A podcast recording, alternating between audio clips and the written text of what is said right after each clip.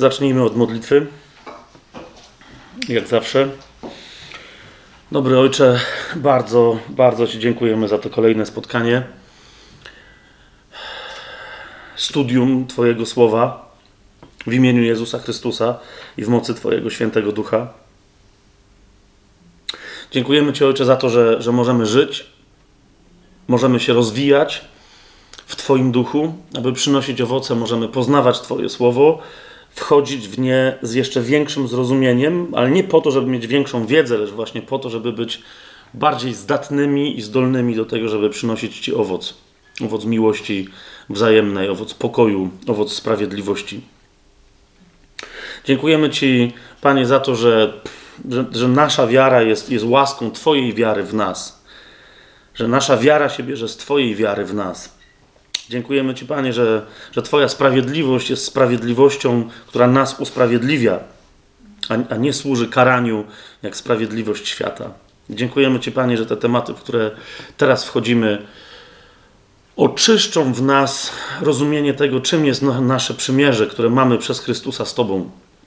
Czym prawdziwie jest dobra nowina, i tak abyśmy mogli ją głosić innym w jej czystości i pięknie, w jej radości, jako naprawdę nowinę, które, która, która wzbudza radość i cieszy serca ludzkie. I jednocześnie, abyśmy my, zapuszczając głęboko korzenie w tej Twojej dobrej nowinie, jaką mamy w Chrystusie Jezusie, żebyśmy się oczyszczali z wszelkich pozostałości e, religijnych, abyśmy rzeczywiście stali się kompletnie, całkowicie, zgodnie z Twoją wolą, czcicielami którzy są czcicielami w duchu i w prawdzie. Dzięki Ci, Panie, prowadź nas w swoim świętym duchu w imieniu Jezusa Chrystusa. Amen. Amen. Mm. Po trzech spotkaniach poświęconych yy, biografii Pawła Apostoła, czy w zasadzie powiedziałbym żadnej tam biografii, raczej skróconej bardzo opowieści na temat życia Pawła. Yy, wiele wątków, które moglibyśmy rozbudować i rozbudowywać, żeśmy pominęli. Yy, nie będziemy już kontynuować yy, tych historycznych tematów. Tam zauważyliście, że, że coś, co normalnie w życiorysie Pawła jest nazywane drugą, potem trzecią podróżą Pawła, E, ja tam to prawie w ogóle pominąłem, tam jest mnóstwo geografii, miast, wydarzeń, to prawie w ogóle pominąłem. Także dlatego, między innymi dlatego, że jak ktoś chce sobie poczytać na ten temat, no to może sięgnąć do dziejów apostolskich. Po drugie, przy okazji listów Pawłowych, w które teraz wchodzimy już bezpośrednio, e, mnóstwo szczegółów z życia Pawła pojawi się nam w takim kontekście, który nam pewne rzeczy uporządkuje. Byłoby łatwo wysłuchać historii, że Paweł odwiedził miasto takie, potem się przeniósł do tamtego, w tamtym go zaatakowali, uciekł tutaj, ale w zasadzie szedł gdzie indziej i, i wysłuchać tego typu historii i potem, wiecie, dalej nic z tego nie pamiętać. Myślę, że, że znacznie sensowniej jest pamiętać o pewnych e, epizodach e, z życia Pawła w kluczu jego listów, czyli do kogo pisał, czemu pisał do jakichś tam ludzi, dlaczego, skąd ich znał, skąd pisał i tak dalej, i tak dalej. I tak e, po dziejach apostolskich pierwszym listem, który, e, e, w który wchodzimy chronologicznie jest list Pawła Apostoła do Rzymian. Zanim, zanim w ogóle się nim zajmiemy, Normalnie wiecie dobrze, że ja czegoś takiego nie, nie robię, jak teraz coś, co zrobię. Nie? Czyli, czyli po prostu zajmujemy się listem, kto go napisał, do kogo, czy jakaś księga inna, kto jest autorem, kiedy została napisana i tak dalej. Ale zanim te, tymi rzeczami się zajmiemy, chcę powiedzieć um, jednak um, po, przywołać parę opinii um, wierzących ludzi, pewien historyczny kontekst tego, co list do Rzymian zrobił, czego my jesteśmy e, dzisiaj historią, żeby waszemu studium wrzucić pewien ciężar na wagę, że się tak wyrażę. Czyli żeby podkreślić wiecie, jak jest istotną rzeczą nie po prostu przeczytanie listu Pawła Apostoła do Rzymian, ale wejście w niego. Ok? Przede wszystkim, yy, przede wszystkim chcę sięgnąć do postaci Marcina Lutra.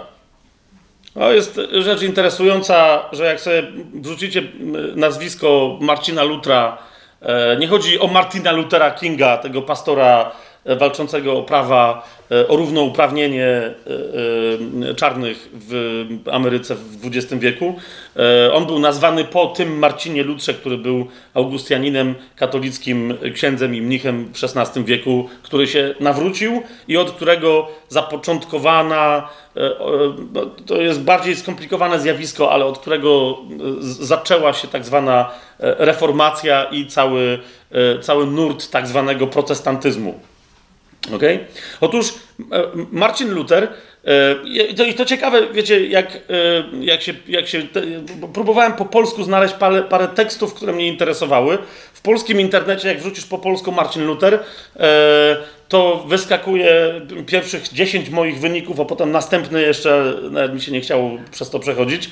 To są wyniki typu Marcin Luther jest straszny, dlaczego Marcin Luther jest źródłem wszelkiego zwiedzenia, dlaczego Marcin Luther zapoczątkował faszyzm i jakieś takie. Są same, wiecie, opinie yy, takiego ekstremalnego, nawet jak na katolików, ultra prawu skrzydłowego rzymskiego katolicyzmu, myślę, że w reakcji na y, obchody reformacji, które tam, nie wiem, w tamtym roku czy kiedyś tam miały miejsce, pamiętacie, tam były co, coś tam z lutrem związane, i niechcący czy chcący papież się w miarę pozytywnie katolicki wyraził na temat postaci Lutra. No i wiecie, całe ekstremalne katolickie skrzydło się podniosło i da. Więc polski internet, jak się czegoś szuka na temat tej postaci Marcina Lutra, teraz jest trochę zaśmiecony różnymi dziwnymi opiniami. Nie, y, nie, żeby mnie to jakoś bardzo martwiło, bo ja nie jestem za specjalnie luterański, jeżeli wiecie o co mi chodzi, ale ale musimy jedną rzecz rozpoznać, tak?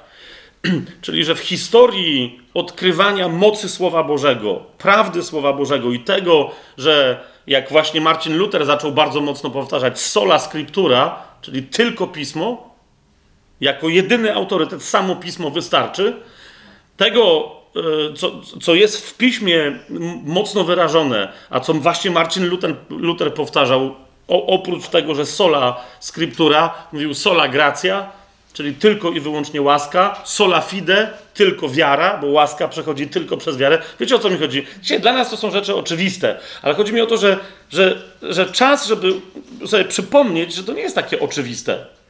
Tak? E, jak, jak niektórzy z Was, którzy byli rzymskimi katolikami, sobie przypomną, kilkaset lat po, po Lutrze, będąc w kościele katolickim rzymskim, e, który ponoć ponoć teoretycznie podpisywał jakieś porozumienia z kościołami protestanckimi na temat ujednolicenia teologii, usprawiedliwienia przez wiarę, z łaski przez wiarę, to, to, to, to było gdzieś w okolicach 2000 roku. Jeżeli ktoś z Was jest z kościoła rzymskokatolickiego po 2000 roku, w życiu o tym nie słyszeliście.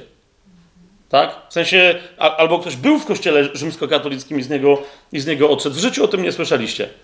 Okay? W życiu nie słyszeliście o, o, o żadnej łasce, która jest darmowa, no bo niezależnie od tego, co się teologicznie głosi, to i tak za chwilę trzeba polecieć i przy pomocy uczynku zwanego spowiedzią e, odzyskiwać łaskę uświęcającą, tak? o której e, w tym kontekście i w tym sensie w Biblii w ogóle nie ma mowy. Więc jeszcze raz, rozumiecie, do, na, nawet my dzisiaj potrzebujemy odkryć i, i, i, wyjście z kościoła, z teologii kościoła rzymskokatolickiego bardzo często właśnie się zaczyna od odkrycia łaski, że sama łaska wystarczy. Jak ona przychodzi tylko i wyłącznie przez wiarę, za darmo, a nie z uczynków. I teraz o co mi chodzi? Wyobraźcie sobie świat, w którym nikt prawie, prawie nikt tego nie wie, a na pewno nikt powszechnie tego nie głosi. Okay? I, I nagle ktoś zaczyna to robić, i tym kimś jest Marcin Luther. Nie chodzi mi o to, że nikogo nie ma, ale nie ma powszechnego, wie, wiecie, jakiejś grupy, która by, która by była znana z tego, że wierzy w coś takiego biblijnie. Okay? Te nurty są przez Kościół rzymskokatolicki w średniowieczu, w średniowieczu utłukiwane, nazywane heretykami itd., itd., itd. Od Marcina Lutra zaczyna się ruch, który nie został utłuczony. O to mi idzie. Tak? I teraz, dlaczego w ogóle mówię teraz o Lutrze i, i, i czemu mówię, robimy wstęp do listu do Rzymian, a tu Luter? Ponieważ nawrócenie Lutra i, i, i, I, to jest, myślę, właściwe wprowadzenie do listu do Rzymian i podkreślenie wagi tego listu, kochani. Właściwe nawrócenie Lutra zaczyna się od listu do Rzymian. Jak mówię, szukałem w internecie polskim, tam czegoś wreszcie znalazłem na stronie mm, e, reformacja.pl przetłumaczony na język polski artykuł Usprawiedliwienie zagrożona doktryna Morisa Robertsa, ale nie chodzi o ten artykuł, tylko na, e, jeszcze raz mówię, na stronie reformacja.pl. W tym artykule znajduje się tłumaczenie na język polski, e, bo, bo szukałem jakiegoś polskiego mm, tekstu, potem się okazało, że on i tak jest nie, niekompletny. E, tego, jak Luther sam objaśnił parę dziesiąt lat po swoim nawróceniu, jak się nawrócił. I teraz te cytaty będą pochodzić głównie z tej strony, ja sobie E, przepisałem. Historia dzieje się w 1513 roku, kiedy Luther jeszcze jest e, mnichem katolickim, dobrze wykształconym, e, naucza na temat psalmów. To są wykłady publiczne, w ramach których interpretuje psalmy w Wittenberdze, to jest 1513 rok ale komentarz na temat tego, co tam się wtedy wydarzyło, pochodzi już z 1545 roku, kiedy on już jest nawrócony i przeprowadza pewną refleksję na temat tego, jak to się wszystko zaczęło. I teraz posłuchajcie. On mówi, że w momencie, właśnie w tym 1513 roku, kiedy, kiedy nauczał na temat psalmów, e, ale tam różne rzeczy w sobie rozważał, bo mu różne rzeczy już nie pasowały. Mówi, że pojawiło się u niego, tutaj cytuję, niesłychanie intensywne pragnienie, aby pojąć Pawła w jego liście do Rzymian. Zwracam wam uwagę, to jest pierwsze, tak? Bóg chce do kogoś, wiecie, bardzo mocno zanurzonego w służeniu e, strukturalnej religii. Bóg chce go dotknąć i co się pierwsze w nim dzieje? Pojawia się niesłychanie intensywne pragnienie, aby pojąć Pawła w jego liście do Rzymian.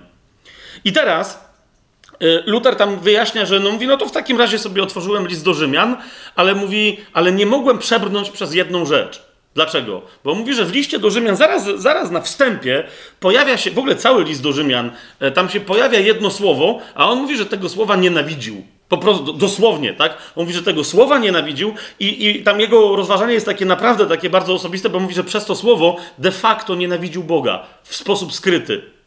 Tak? On mówi tak, że właśnie, że otworzył list do Rzymian i tutaj cytuję, mówi, pomimo żarliwych pragnień serca powstrzymywały mnie słowa sprawiedliwość Boża. Bo one coś zaraz, to jest pierwszy rozdział listu, yy, listu do Rzymian, 17 werset, w niej bowiem objawia się sprawiedliwość Boga, tak? I on, i on mówi, te słowa mnie powstrzymywały. Dlaczego? I, i, i dalej, yy, znowu tu robię pewne wyrwy, nie będę dokładnie, bo tam jest dosyć taki, wiecie, wylewny język, yy, więc nie wszystko będę dokładnie cytował, ale wyjaśnia, dlaczego tak było. Teraz cytuję dokładnie. Mówi tak: Nie znosiłem tego wyrażenia, sprawiedliwość Boga, czy też sprawiedliwość Boża, nie znosiłem tego wyrażenia, ponieważ uczono mnie, bym pojmował to filozoficznie, jako formalną lub aktywną sprawiedliwość. Tam chodzi o całą filozofię scholastyczną, czyli to się nazywało formalną albo aktywną sprawiedliwością, a więc mówi, że, że, że tak byłem szkolony, żebym pojmował to filozoficznie jako formalną lub aktywną sprawiedliwość, zgodnie z którą Bóg jako sprawiedliwy karze grzeszników. To jest to. I on, mimo że nie miał za specjalnie na sumieniu jakichś grzechów, cały czas zmagał się z koncepcją predestynacji, która nie tylko, wiecie, to nie jest tylko debata w, kościele, w kościołach protestanckich, e, reformacyjnych, ale to była debata e, bardzo wtedy mocna w kościele rzymskokatolickim. Czy ludzie są przeznaczeni z góry do nieba i do piekła? I on rozważał, czy czasem ja nie jestem przeznaczony do piekła. Jak to jest? Hmm? Zauważcie, niezależnie od tego, co dzisiaj pod wpływem e, głoszenia tak zwanego protestanckiego w kościele rzymskokatolickim się dzieje, nikt się nie uczy na pamięć listu do Rzymian. Ale dzieci w kościele rzymskokatolickim nadal, przynajmniej w tych bardziej konserwatywnych kręgach, uczą się tak zwanych sześciu prawd wiary. Tak? Druga prawda wiary z tego, co, co pamiętam, brzmi: Bóg jest sędzią sprawiedliwym, który za dobre wynagradza, a za złe karze. Tyle. Tak? Informacja jest dopiero dalej, że łaska Boża jest do zbawienia koniecznie potrzebna, ale to jest to. Pierwsze co, Bóg jest sędzią sprawiedliwym, który się zajmuje karaniem. I, i jak się dobrze przyjrzysz swojemu życiu, to jak zauważasz w nim nawet trochę dobra, to jednak jako katolik, od małego jako katolik wychowywany zauważysz, czy wychowywana jako katoliczka zauważysz, że jednak jest tam kupa zła. A więc, niezależnie od tego, jak dobry jest Bóg, jest przede wszystkim sprawiedliwy, a więc będzie cię karał. Wiecie o co mi chodzi? To było jego również doświadczenie. I teraz uważajcie, dalej on mówi, że no ale miał to mocne pragnienie, żeby czytać Pawła w liście do Rzymian, a nie mógł przez to przebrnąć. Nie tego czytał, bo on pisze o sprawiedliwości Bożej. Nienawidzę tego. I teraz mówi, cytuję dosłownie w ten sposób. On mówi tak: Dzień i noc próbowałem rozmyślać nad znaczeniem tych słów. To jest właśnie Rzymian, pierwszy rozdział, 17 werset. Objawia się sprawiedliwość Boga z wiary w wiarę, jak jest napisane: Sprawiedliwy będzie żył z wiary. Bo on mówi, że, że nie był w stanie przejść przez ten werset, ale zauważył, że ten werset ma nie tylko napisane, że sprawiedliwość Boga, ale że sprawiedliwy z wiary żyć będzie. Więc mówi, to jest to. Dzień i noc próbowałem rozmyślać nad znaczeniem tych słów. I teraz powiada Luter, wtedy wreszcie Bóg się nade mną ulitował i zacząłem pojmować, zwróćcie uwagę, co tu jest napisane, i zacząłem pojmować, iż sprawiedliwość Boża jest darem Boga, dzięki któremu sprawiedliwy człowiek będzie żyć przez wiarę. Oczywiście teraz trzeba wejść w to, o co Lutrowi chodzi, ale to jest to. Do niego nagle dotarło, że to jest coś innego. Sprawiedliwość nie służy chłostaniu ludzi, ale to jest dar, który Bóg daje człowiekowi, jak przez wiarę. I dlatego człowiek będzie żyć. I teraz posłuchajcie jego komentarz. W tym momencie poczułem, jakbym się narodził na nowo i wszedł w bramy raju. W tej samej chwili oblicze całego Pisma Świętego stało się dla mnie nagle oczywiste. Widzicie, co się dzieje? To jest ten moment. Facet przez wiarę uwierzył w to, e, co Chrystus dla niego wysłużył na krzyżu i zrozumiał, że on nie musi nic do tego dodawać. O, po prostu do niego dotarło, że to jest za darmo i doświadczył nowonarodzenia. I o tym mówi. Jeszcze raz wam to przeczytam. Poczułem, jakbym się narodził na nowo i wszedł w bramy raju. W tej samej chwili oblicze całego Pisma Świętego stało się dla mnie nagle oczywiste. E, teraz e, ten tekst jest, e, przez niego był kontynuowany, ja już go po polsku nie znalazłem, ale na stronie ligonier.org w artykule The Story of Martin Luther's Conversion, czyli historia nawrócenia Martina Lutra, tam ktoś cytuje dalsze jego rozważania i mówi, że w dalszych rozważaniach jakoś podsumowuje Luther to wydarzenie następującymi słowami – tak oto ów cytat z Pawła stał się dla mnie prawdziwie bramą do raju. To, to jest, to jest to, ten jeden fragment, sprawiedliwy będzie żył z wiary. Tak? Cała reszta mi zaczął przypominać, bo on tam opisuje, że zaczął sobie przypominać inne cytaty, inne księgi, inne fragmenty, Ewangelie, co Pan Jezus mówił. Dlatego pismo, wiecie, zobaczył zupełnie nowe, prawdziwe oblicze słowa. Tak? I teraz posłuchajcie, e, bo e, e, ja nie chcę powiedzieć, że hej, skoro Luther się nawrócił, to ty też, bo tutaj większość z nas jak siedzi, to już tego doświadczyła. Będzie, a, ale widzicie, ten Luther, stary, może nie stary, ale doświadczony Luther, pisząc komentarz potem do listu do Rzymian, bo domyślacie się, że Luther, jeżeli coś komentował w związku z tym, skoro tak mocne było jego doświadczenie listu do Rzymian, to potem go komentował pisząc, i rzeczywiście napisał komentarz mm, do tego listu, we wstępie do tego komentarza, to ponoć y, wyszło po polsku, ale ja nie mam niestety tej książki, więc y, jeżeli jest, to istnieje po polsku, to z góry tłumacza polskiego, przepraszam, że nie skorzystałem, bo po prostu nie, nie mam tej książki fizycznie, nie znalazłem tekstu w internecie, więc sam przełożyłem fragment, ponieważ mam po angielsku ten E, ten komentarz, więc, więc, sam pewien fragment przełożyłem na język polski. Jeżeli tam są rozbieżności, to, to z góry przepraszam. Ale myślę, że, że e, tak wiernie jak, jak się dało, tak to przełożyłem. Zaraz, dosłownie, pierwsze zdania wstępu do komentarza do listu do, Rzyma, do Rzymian Marcina Lutra brzmią następująco. Uważajcie teraz, co, co on napisał. Mówi tak. Ten list, czyli list do Rzymian, jest prawdziwie najważniejszym fragmentem całego Nowego Testamentu to najczystsza Ewangelia. Warto, by każdy chrześcijanin nie tylko nauczył się go na pamięć, słowo po słowie, ale też wracał do niego codziennie jako do chleba powszedniego swojej duszy. Niemożliwym jest czytać go czy medytować nad nim za dużo lub za dobrze. Im więcej się z nim ma do czynienia, tym cenniejsze się staje i tym lepiej smakuje. Oczywiście ktoś powie, ej, dla Lutra to było objawienie, którego wyrwało z religii, a wprowadziło w łaskę. Wiecie o co chodzi? Ale, ale, ale, niezależnie od tego, jak mocny ten tekst był dla niego, w zasadzie z każdym zdaniem yy, tej zachęty Lutra się zgadzam, co do listu do Rzymian. Tak? Ten list jest prawdziwie, jeszcze raz zacytuję, najważniejszym fragmentem całego Nowego Testamentu. To najczystsza Ewangelia. Nie dlatego, żeby, wiecie, Paweł był ważniejszy od, od Pana Jezusa. Zrozumcie mnie dobrze. Tyle tylko, że gdyby nie list do Rzymian, to pewne fragmenty Ewangelii bardzo łatwo, wiecie, wziąć i zamienić w legalizm. Tak? Zauważcie, Kościół rzymskokatolicki nie ma żadnego problemu z robieniem tego typu rzeczy.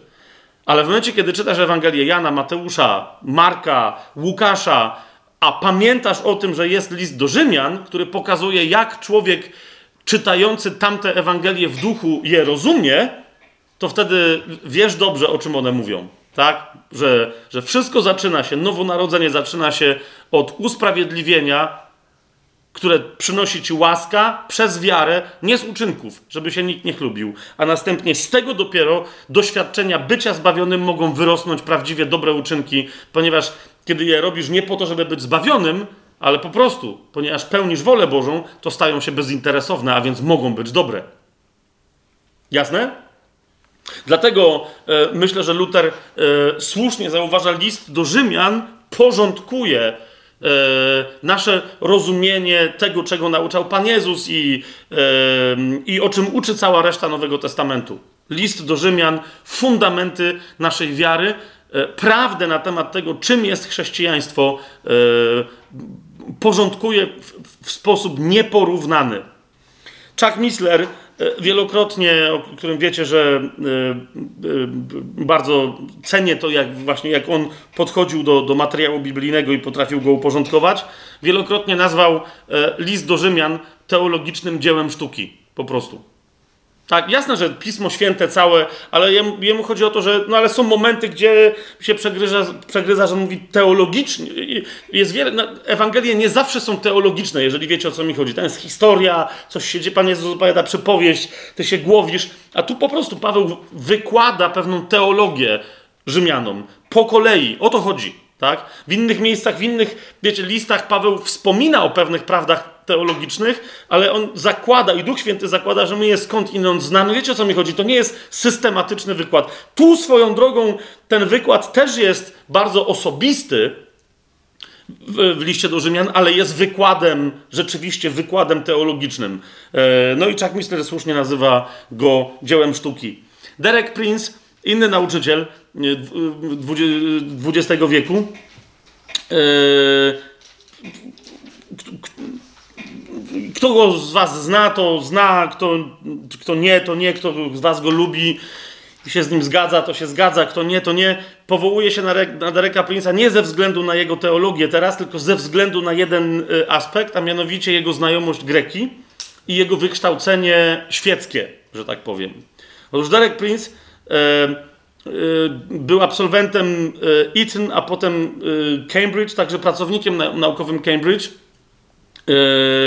zajmował się, był naukowcem, akademikiem, zajmował się filozofią. To jest bardzo istotne. Okay? Zajmował się filozofią. W ramach filozofii, jak to często powtarzał, zajmował się z, z, y, definicjami, tak? bo tam jest, są całe działy filozofii. On się zajmował definicjami słów.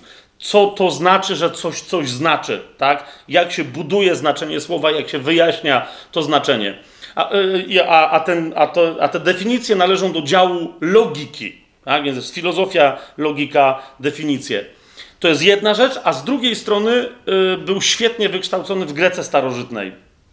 Y, Derek Prince. On już jako kilkunastoletni chłopak, ja to w paru miejscach powtarzałem, jako kilkunastoletni chłopak jeszcze w Eton w szkole średniej znał Grekę tak dobrze, że kiedy przychodzili na zajęcia tam jakieś jego koledzy z napisanymi tekstami, wierszami, to znaczy z poezją stylizowaną na poezję staroangielską, i odczytywali te wiersze. Wyobraźcie sobie, że, że Derek Prince jako młody chłopak na żywo tłumaczył te ich wiersze i tą ich poezję na grekę starożytną, klasyczną albo koinę.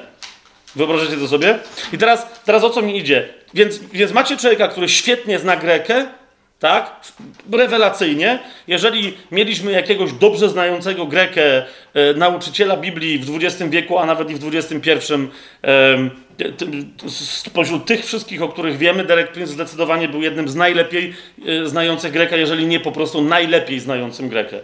A więc macie nauczyciela, który jest wierzący biblijnie, zna świetnie Grekę e, i, i po trzecie jest filozofem zajmującym się logiką. I teraz uważajcie, on powiedział, że jako taki, biblijnie wierzący, świetnie znający Grekę i wykształcony akademicko, prawie że się doktoryzował e, z, z logiki filozoficznej, powiedział, że nigdy w swoim życiu, nigdy w ramach swoich studiów i swoich badań nie spotkał tekstu bardziej precyzyjnego i potężnego w sile swojego przekazu jak list do Rzymian.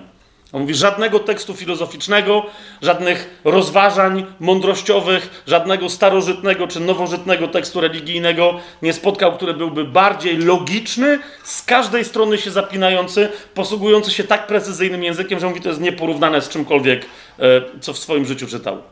To jest list do Rzymian. Dlaczego o tym też wspominam? Ponieważ bywa, że czytając po polsku, w zależności od tego, jakie tam macie tłumaczenia, yy, ktoś powie, że no, to są jakieś rozbieżności. Pamiętajcie o tym, jak precyzyjny to jest list. A więc jeżeli gdzieś coś zobaczycie, sięgnijcie do, e, do oryginału, sprawdźcie, jakie tam jest prawdziwe greckie e, słówko. I nawet jak nie znacie greki, to, no to jest na tyle dzisiaj za darmo narzędzi w internecie wszelkiego rodzaju, wiecie, pomocy, że, że przynajmniej w tym sensie sprawdź, jakie tam jest słowo, jak ono jest przekładane mm, e, na język polski, czy na angielski, jak znacie, czy na jakieś inne, tak? Jak ono jest przekładane i, i, czy, yy, i czy tłumacz w tym momencie rzeczywiście wykonał dobrą robotę, czy po prostu się pospieszył, tak? Yy, bardzo, bardzo, bardzo potrzebujemy znać list do Rzymian Niekoniecznie jako najważniejszy fragment całego Pisma Świętego, ale, ale jako kluczowy do zrozumienia wielu kwestii. Ok? Mamy jasność? O, świetnie. Mógłbym długo jeszcze kontynuować tę historię, dlaczego list do Rzymian jest taki ważny, ale myślę, że już ciężar y, na tę wagę położyłem. Tak? Y, jeszcze raz, nie, nie, jak ktoś z Was czytał list do Rzymian, y, Wiecie, czasem jest takie wrażenie odnoszę, że ludzie odnoszą właśnie wrażenie, że dobrze znają list do Rzymian i go wielokrotnie czytali, ponieważ wielokrotnie spotkali się z cytatami z listu do Rzymian, albo sami mają zwyczaj cytować parę fragmentów z listu do Rzymian. I wiecie o co mi chodzi. W ramach ewangelizacji cytaty z trzeciego czy z piątego rozdziału listu do Rzymian, z dziesiątego rozdziału listu do Rzymian są non-stop. Tak więc ludzie myślą, że skoro te tych pięć, sześć fragmentów w kółko się powtarza, to że znają cały list do Rzymian. I bywają dosyć, dosyć mocno zszokowani. Podam wam przykład, ale dzisiaj y, nie odpowiem, bo, bo, postawię y, pytanie, ale dziś nie odpowiem, odpowiem w następnych y, dopiero naszych spotkaniach nad listem do Rzymian, ale a propos takich bardzo właśnie oczywistych kwestii. Pamiętacie dziesiąty rozdział listu do Rzymian, gdzie padają te sławne wyrażenia, jeżeli ustami wyznasz Pana Jezusa, to jest 10 rozdział 9 i 10 werset, i uwierzysz w swoim sercu, że Bóg wskrzesił go z martwych, będziesz zbawiony. Sercem bowiem wierzy się ku sprawiedliwości, a ustami wyznaje się ku zbawieniu. Zgadza się? To, to, to jest ten. I teraz dalej Paweł podejmuje rozważanie, że wiara rodzi się ze słuchania. Słuchanie jest poprzez Słowo Boże. E, Zwróćcie uwagę, 15, 14 werset i dalej. Jakże więc, będą wzywać tego, w którego nie uwierzyli? A jak uwierzą w tego, o którym nie słyszeli? A jak usłyszą bez kaznodziei? Jakże też będą głosić, jeśli nie zostaną posłani? Jak jest napisane, o jak piękne są nogi tych, którzy opowiadają pokój, tych, którzy opowiadają dobre rzeczy. I potem mówi, że nie wszyscy byli posłuszni. W 17 wersecie powiada, wiara jest ze słuchania, a słuchanie przez Słowo Boże. I, i, I, wiecie, słyszałem mnóstwo nauczania na ten temat, że my musimy wysyłać kaznodziejów, ewangelistów, misjonarzy, ponieważ nikt nigdy nie słyszał właściwej, dobrej nowiny. Tak? Musimy ich wysyłać do Żydów, bo oni też jej nigdy nie słyszeli. I że o tym mówi ten fragment listu do Rzymian. Kto z was się spotkał z tego typu nauczaniem? Nie, wie, wiecie o co mi chodzi. Teraz, czy zwróciliście więc uwagę na pytanie, które Paweł po tym rozważaniu zadaje w 18 wersecie?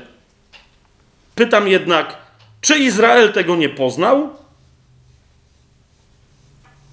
18, e, 18 werset. Pytam jednak, czy nie słyszeli? Ależ tak, po całej ziemi rozszedł się ich głos i na krańce świata ich słowa. Eee, czyje w takim razie?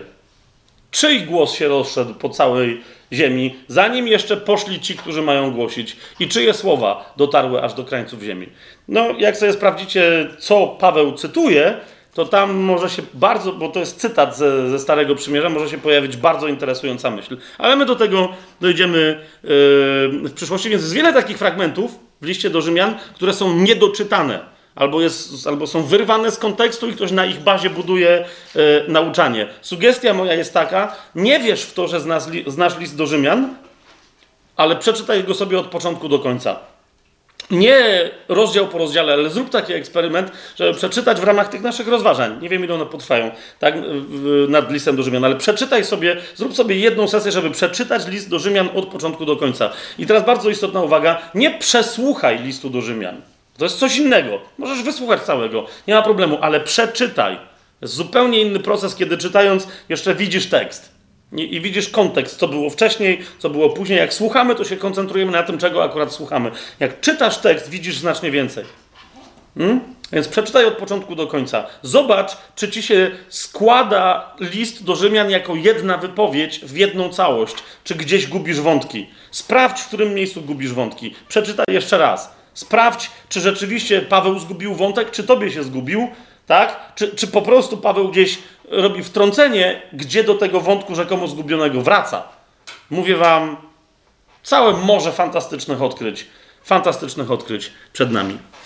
Niemniej, zanim my do tych fantastycznych odkryć yy, dojdziemy, zacznijmy od absolutnych podstaw, ponieważ już w podstawach dla niektórych yy, mogą się pojawić fantastyczne odkrycia, tak? A więc dzisiaj chciałbym, żebyśmy sobie odpowiedzieli naprawdę na bardzo proste pytanie, mianowicie kto napisał list do Rzymian? E, po drugie, kiedy ten list do Rzymian i skąd został napisany, w jakich okolicznościach? Po trzecie, do kogo został napisany list do Rzymian? Bo w ramach tych pytań tam się kryją pewne istotne dla nas informacje. Otóż pierwsza rzecz, yy, czasem się śmieję, jak wiecie, pytam, kto napisał list do Rzymian, i, i, i w, w, paru miejscach było tak, że ktoś otworzył Biblię i mówi: No jak, Paweł. Mówię, a skąd wiesz? No bo jest tak napisane, że to jest list Pawła do Rzymian. No okej, okay. jak zadaję sobie pytanie, kto napisał list Pawła Apostoła do Rzymian, to jest pytanie skąd, czy mamy pewność, że list Pawła jest listem Pawła. I tak mamy pewność. Mógłbym tu dzisiaj y, długo rozważać, pokazywać wszystkie możliwe źródła, y, ale kochani, y, jeżeli chciałbym najkrócej E, e, posłużyć się najmocniejszym argumentem w najkrótszej formie, to bym się posłużył cytatem i posłużę się nim, e, bo, bo, bo, bo studium na temat autorstwa listu do Rzymian przez, przez kilkaset lat było prowadzone. Tak? I teraz w 2004 roku wyszła taka książka C.B. Cranfielda, która się po prostu nazywa The, the Epistle of the Romans 1.8 to jest pierwsza część e, paru książek Cranfielda, czyli które się po prostu nazywają List do Rzymian. To jest pierwsza część na temat rozdziałów od pierwszego do ósmego w 2004 roku i tam we wstępie do tej książki Cranfield pisze następującą rzecz. Dziś nikt, kto zajmuje się odpowiedzialnie krytyką biblijną, nie kwestionuje Pawłowego autorstwa. Okay? Wiecie dobrze, że przy prawie każdej księdze, jak żeśmy robili wprowadzenie, badaliśmy, kto to napisał, skąd wiemy, kto to jak podważał, jakie są inne propozycje, tak? Yy, I teraz, rozumiecie, z najbardziej dziwnych szkół krytyki biblijnej, z najbardziej dziwacznych, nie wychodzi dzisiaj żadne poważne zdanie, które by brzmiało, ktoś inny napisał list do Rzymian niż Paweł. Po prostu. Tam zresztą w tym wstępie tam Cranfield tak interesująco mówi, że z tych wszystkich ludzi, którzy w historii próbowali podważać Pawłowe autorstwo listu do Rzymian, Oni wszyscy mówili, zostali y, w XX wieku przez konkretne, rzetelne badania, zostali zdeklasowani, zrzuceni w ramach y, historii krytyki biblijnej na margines dziwactw. To po, po, prostu. Tak? On dosłownie tam to tak, tak pisze, że mówi, po prostu zostali uznani za, za czepialskich ludzi, a nie za poważnych badaczy. Więc. Istnieją inne dokumenty potwierdzające, y, że Paweł napisał list do Rzymian z bardzo, bardzo, bardzo wczesnego okresu, w tym między innymi y, list Klemensa Rzymskiego, który jest wymieniany przez Pawła jako swój, jego współpracownik. Pamiętacie, ostatnio nawet go cytowałem, że on, on mówi, że, że, że Paweł aż do, do, do, do, najdalszego zachodu Europy dotarł. To, to, to, to jest jego list do Koryntian, który napisał. I to jest ten sam człowiek, który jako młody nawrócony brat pomagał i współpracował z Pawłem. Tak? Więc on, e, wielu innych autorów, wszyscy e, we wczesnych pierwszych 300-400 latach chrześcijaństwa potwierdzają po prostu, potwierdzają, jest dla nich, dla wszystkich oczywiste, że list do Rzymian napisał Paweł. Tak? Mamy jasność? Natomiast, natomiast, oczywiście, ja o tym też wspominałem ostatnio, dzisiaj z moją żoną się dzieliłem pewną tajemnicą, z, z, tym związaną, tak, ale dzisiaj znowu to jest kolejna rzecz, dzisiaj wam tego nie powiem o co chodzi, to pewnie dopiero przy drugim do Koryntian. I teraz pomyślcie, dlaczego akurat przy drugim do Koryntian. Mianowicie w liście do Rzymian yy, yy, Paweł Y, oczywiście Paweł cały ten list cytuje, każde słowo w tym, y, w tym liście jest jego, ale w 16 rozdziale, w 22 wersecie mamy, y, mamy pozdrowienie od jego sekretarza. Pamiętacie, ja mówiłem o tym, że Paweł w wielu miejscach dodaje od siebie zapisek, że to jest pozdrowienie moją Pawła ręką napisane. Pamiętacie, mówiłem o tym, tak? Tutaj nie ma czegoś takiego, czyli Paweł nie, nie, nie, nie podpisuje się osobiście, ale pozwala swojemu sekretarzowi, który najwyraźniej był dosyć znaną e, Rzymianą osobą, żeby on się podpisał, więc w 16 rozdziale, w 22 wersecie mamy fragment Pozdrawiam was w Panu, ja, Tercjusz, który pisałem ten list. Tutaj nie chodzi o to, że on jest autorem tego listu, chodzi o to, że on go zapisał, Paweł mu dyktował, a on, ym, a on ten list ym, zapisał. I dzisiaj jadąc tutaj się dzieliłem z moją żoną pewnego rodzaju odkryciem, dlaczego tak jest, że, że Paweł korzystał e, z sekretarzy. Ponieważ słusznie ktoś mi zwrócił uwagę e, na to, pewien autor dość dokładnie badający literaturę Pawła zwrócił mi dzisiaj uwagę na to, że dosłownie dzisiaj, e, że nie jest rzeczą oczywistą, to znaczy, jest rzeczą oczywistą, że w tamtych czasach ludzie korzystali z sekretarzy, tak? Ale zasadniczo dlatego, że byli panami, którzy mieli niewolników. A on sobie zadał pytanie, dlaczego Paweł korzystał z sekretarzy, skoro zawsze wszystko w swoim życiu robił sam? Czemu akurat do pisania brałby innych, tak?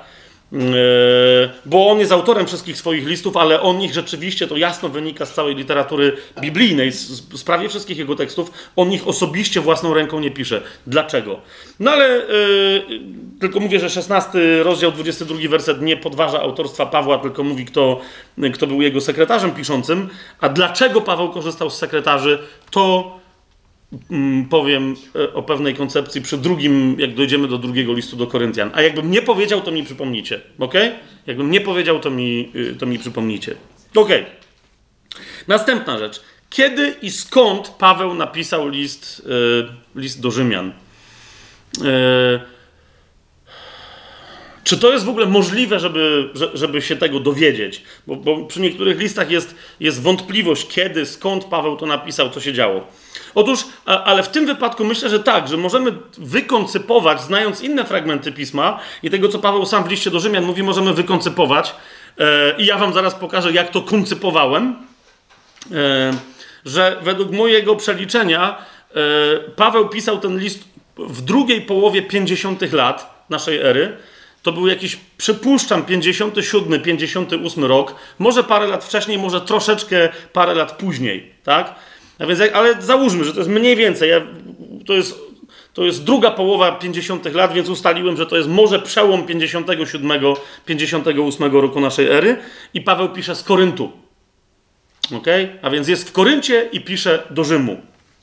Teraz, dlaczego tak sądzę i jakie rzeczy według mnie bardzo jasno, konkretnie na to wskazują? Pierwsza bardzo istotna rzecz, kochani, na którą Wam zwracam uwagę, jeszcze do tego później będziemy wracać, ale pierwsza bardzo istotna rzecz. Zwróćcie uwagę, że Paweł pisząc list do Rzymian, to jest jego jedyny list, który pisze do kościoła w mieście, w którym jeszcze nigdy w życiu nie był. To jest bardzo istotna rzecz. ok? On tam nigdy wcześniej nie był jeszcze. Skąd o tym wiemy? W liście do Rzymian, jak sobie otworzycie pierwszy rozdział, yy, jedenasty werset i dalej, tam jest cały jeden taki, od 11 do 15 wersetu, cały wypływ Pawła, z którego jasno wynika, że Paweł nigdy jeszcze w Rzymie nie był. Tak? Więc to jest bardzo ważne, że to jest czas, kiedy Paweł jeszcze nigdy nie był w Rzymie. No ale wiemy, że Paweł do Rzymu dotarł dopiero w, w kajdanach, tak? Pod koniec swojego życia. No niemniej, Paweł pisze tak. Yy, to jest pierwszy rozdział, 11 werset i dalej. Pragnę bowiem zobaczyć was, abym mógł wam udzielić jakiegoś daru duchowego dla waszego utwierdzenia. To znaczy, abyśmy się wzajemnie pocieszyli obopólną wiarą waszą i moją. A nie chcę, abyście i wy, bracia, nie wiedzieli, że często zamierzałem przybyć do was, Zauważcie, ale byłem dotąd zatrzymywany, abym miał jakiś owoc zarówno wśród was, jak i wśród innych pogan. Czyli Paweł wyraźnie mówi, że wielokrotnie chciał się wybrać do Rzymu, ale za każdym razem był zatrzymywany. Mówi, aż dotąd byłem zatrzymywany. Tak? I dalej mówi, jestem dłużnikiem zarówno Greków, jak i barbarzyńców, zarówno mądrych, jak i niemądrych, tak, że na ile mogę, jestem gotowy i wam, którzy jesteście w Rzymie, głosić Ewangelię. Więc mówi, głosiłem już Grekom, głosiłem barbarzyńcom, jeżeli Paweł był w Macedonii, a wiecie, że był, to tam się musiał spotkać, e, no chociażby na przykład z jakimiś proto e, Słowianami, może nie proto, może po prostu ze Słowianami, ze Scytami, bo takich wtedy nazywano z, tam z innymi, wiecie, tymi ludami, które zamieszkiwały dzisiejszą Chorwację, wybrzeże Adriatyku, Bułgarię, bo to były okolice Macedonii, a tam Paweł albo, albo sam tam chodził i głosił, no albo oni, wiecie, przybywali do Macedonii w ramach handlu i tak dalej, i tak dalej. Więc mówi, tych wszystkich ludzi już poznałem, ale w Rzymie jeszcze nie byłem. E, to jest pierwsza informacja, jaką słyszymy. I teraz druga bardzo istotna rzecz, druga bardzo istotna informacja, jak sobie ze mną otworzycie 15 rozdział listu do Rzymian, bo, to, bo tam Paweł mówi, w jakim obecnie znajduje się momencie swojego życia, kiedy jeszcze raz wspomina o konkretnych zamiarach, żeby się udać do Rzymu. To jest 15 rozdział e, listu do Rzymian, od 22 do 28 wersetu. Paweł w, ten sposób mówi. Jeszcze raz wspominając o tym, o czym mówił w pierwszym rozdziale, że nie mógł przyjść, tak zaczyna, mówi, często napotykałem przeszkody, także nie mogłem przyjść do was. Więc jeszcze raz potwierdza, że nie był nigdy w Rzymie. Ale teraz mówi tak, ale teraz nie mam już miejsca do pracy w tych stronach. No i teraz jest pytanie, jakie to są strony. Nie mam już pracy, już miejsca do pracy w tych stronach, a pragnąc od wielu lat przyjść do was, gdy udam się do Hiszpanii, przyjdę do was. Czyli taki jest plan Pawła, żeby iść do Hiszpanii i po drodze wpaść do Rzymu, E, żeby oni go wyprawili dalej, bo on o tym mówi, a potem jak, jak już wróci z Hiszpanii, to żeby na dłużej tam, tam zostać i podziałać. Tylko, że żeby się wybrać do Hiszpanii, coś się musi wydarzyć. Otóż on mówi tak. Spodziewam się bowiem, że idąc tamtędy zobaczę was i że wy mnie tam wyprawicie, czyli do Hiszpanii, gdy się już wami troszeczkę nacieszę. A mówi, ale teraz idę do Jerozolimy, aby usłużyć świętym. Spodobało się bowiem Macedonii i Achai wspólnie złożyć na ubogich świętych, którzy są w Jerozolimie. Istotnie spodobało się im, są też ich dłużnikami. E, no i tam wyjaśniał co. I 28 werset mówi, dlatego gdy to wykonam i oddam im ten zapieczętowany owoc, wstąpię do was, udając się do Hiszpanii. Czyli mówi, moja podróż do Hiszpanii zacznie się kiedy? Kiedy składkę z Grecji, czyli z Achai i z Macedonii zaniosę gdzie? Do Jerozolimy. Tak? A więc on mówi, do Jerozolimy zaniosę składkę. Teraz, kiedy Paweł idzie do Jerozolimy, e, żeby im złożyć. Aha, jeszcze jedna, jeszcze myślę, jedna bardzo istotna rzecz. Zobaczcie w tym 15 rozdziale, w 25 wersecie. E, bo, bo to jest bardzo istotne. Niektórzy mówią, że no tak, ale, po, ale jak Paweł szedł do Jerozolimy z tą składką, bo ona jest opisana w dziejach apostolskich, ta podróż, to ona trochę trwała. To jak my możemy ustalić, z którego miejsca Paweł. Otóż, kochani, w 15 rozdziale, w 25 wersecie, Paweł mówi: Teraz idę do Jerozolimy, aby usłużyć świętym. To jest takie sformułowanie, tak? No i my po polsku troszeczkę rzeczywiście nie mamy lepszego sformułowania. Jest to dobrze przetłumaczone. Teraz idę do Jerozolimy. Ale dosłownie to, co Paweł tutaj ma na myśli i co chce powiedzieć, to, to mówi właśnie mam wyruszyć. Tak? Bo to jest, y, to, tu jest y, greckie słowo tak y, skonstruowane. Będziemy teraz wchodzić w całą E, tak, tak, tak brzmi to tutaj, to, to, to, to, greckie słowo. Ono oznacza, e, wiecie, to jest tak, jak, jak po angielsku by ktoś powiedział I am going to go. Tak? Właśnie zamierzam iść. Ale żeby was nie, po grecku nie przekonywać, to z, zobaczcie sobie na przykład Ewangelię Łukasza. Tu mając cały czas założone. Teraz idę do Jerozolimy, aby usłużyć świętym. E, po pierwsze, grecki wyraz to sugeruje, że on jeszcze nie wyruszył skądś, tylko właśnie wyrusza. Tak? I zobaczcie, do, dokładnie ten sam wyraz pojawia się, żeby wam pokazać u tego samego autora, czyli u Łukasza, u tego samego autora też, te, te, też bredzę, bo już myślę o dziejach apostolskich. Okej, okay, u Łukasza się pojawia w 14 rozdziale, e, w 19 wersecie. Pamiętacie, tam jest pan, który wydaje ucztę weselną, zaprasza różnych ludzi, a oni mu odpowiadają, że nie mogą przyjść. Tak? I teraz y, słudzy tego pana przychodzą między innymi do, do, do człowieka zwanego drugim, tutaj w kolejności, to jest 14 rozdział Łukasza, 19 werset, a on się tłumaczy tak. Drugi zaś powiedział, kupiłem pięć par wołów i idę je wypróbować. Widzicie, to jest to. Jest to. Proszę cię, uważaj mnie za wytłumaczonego. Teraz zwróćcie uwagę, gdzie przyszedł sługa w imieniu swojego pana, żeby zaprosić tego, tego chłopa na wesele? Gdzie przyszedł? Do niego do domu. Tak? On przyszedł do niego do domu i mówi: Przyjdź na wesele, bo pan cię zaprasza. A zauważcie, co on mu mówi: Kupiłem pięć par wołów i idę je wypróbować. On jest jeszcze w domu, ale właśnie, no właśnie wychodzę, tak jasne. No właśnie na tym polega, e, stąd widzimy, że to są głupie tłumaczenia, tak? No, ale właśnie idę, już prawie, że wkładałem buty. Wie, wiecie, to jest, to jest to wyjaśnienie. Pan Jezus w Ewangelii Jana do, dokładnie Jan, to, dokładnie ten sam wyraz. Idę, właśnie idę. Zamierzam się właśnie wybrać. Wkłada w usta Pana Jezusa, to jest jedenasty rozdział. Pamiętacie historię yy, yy, o chorobie Łazarza, tak? To jest jedenasty rozdział. Szósty werset nam mówi, że, że kiedy Jezus usłyszał, że Łazarz choruje, zwróćcie uwagę, został jeszcze dwa dni w miejscu, w którym przebywał. A więc jak się dowiedział, że Łazarz choruje, wyruszył czy nie wyruszył? Nie wyruszył. Został w tym miejscu. Oczywiście to miało, to miało konkretny swój sens. siódmy werset, ale potem powiedział do swoich uczniów: chodźmy znowu do Judei. Ok?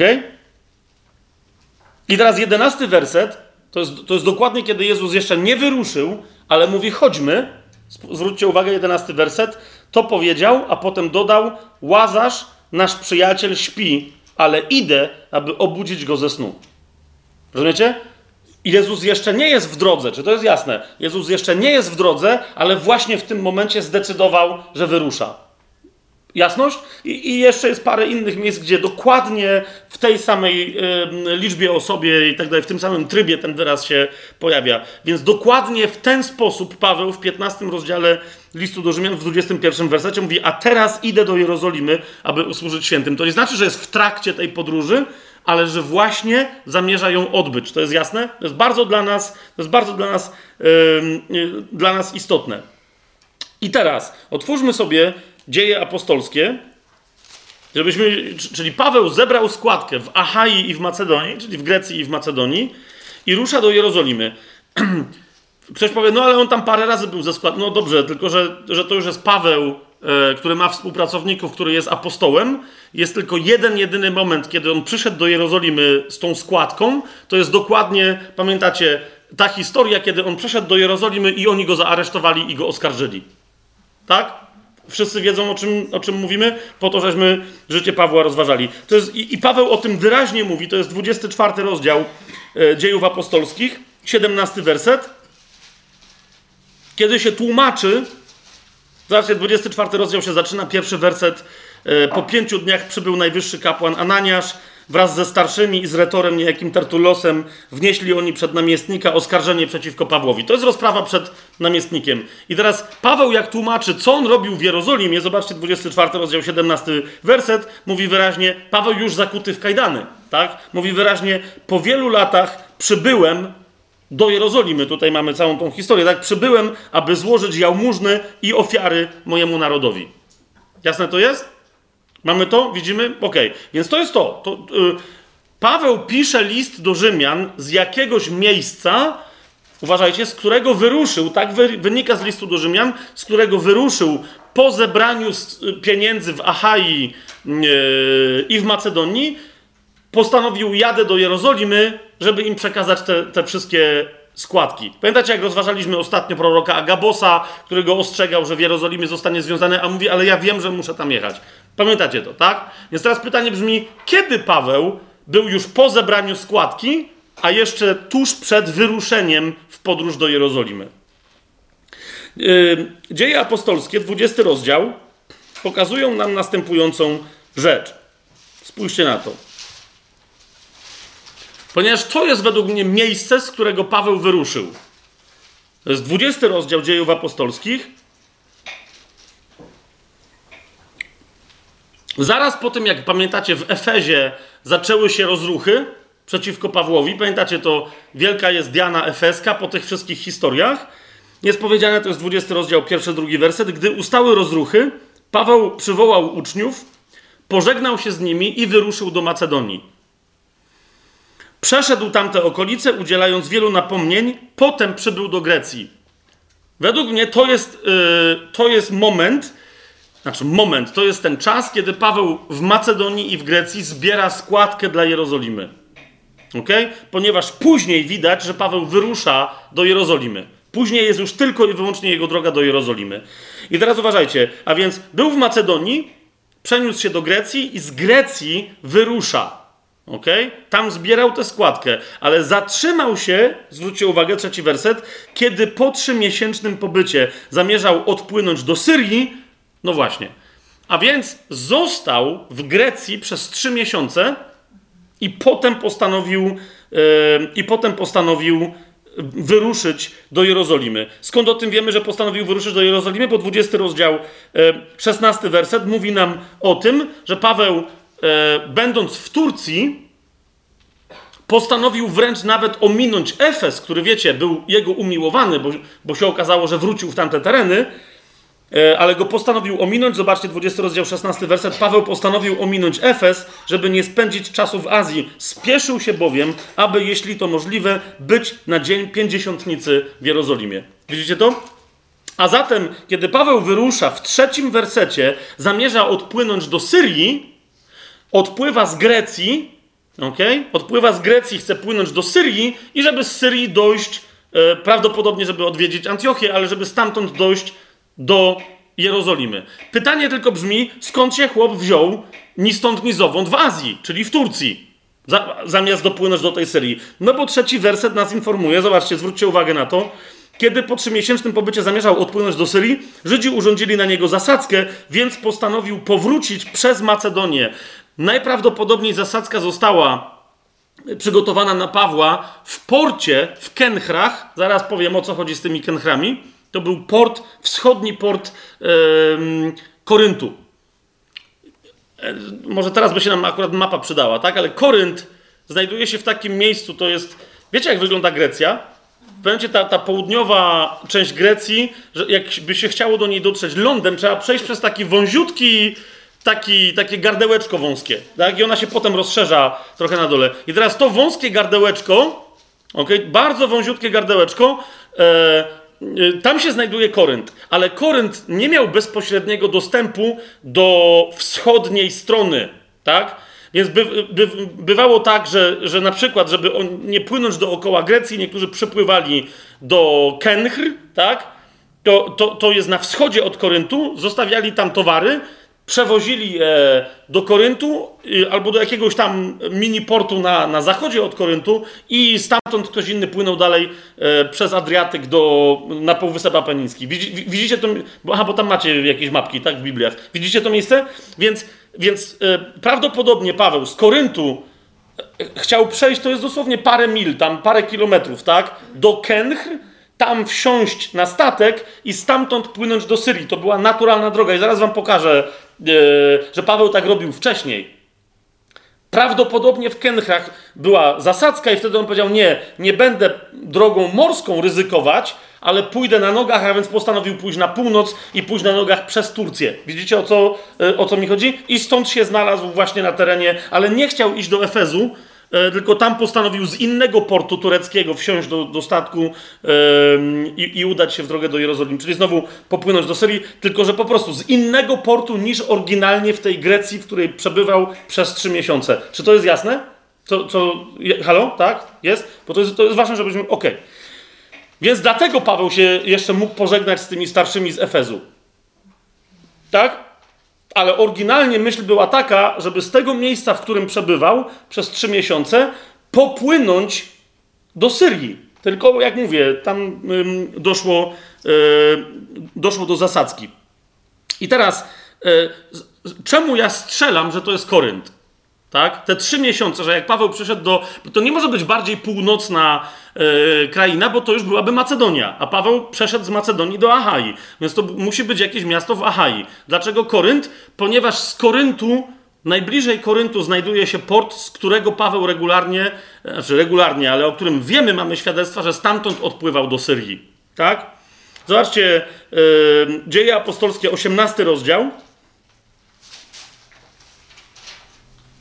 Jak macie mapę, to, to możecie to prześledzić. Paweł z Aten greckich, yy, tam jest opis, że on z Aten przyszedł do Koryntu, to jest 18 rozdział dziejów apostolskich. Potem Paweł opuścił Ateny i przybył do Koryntu.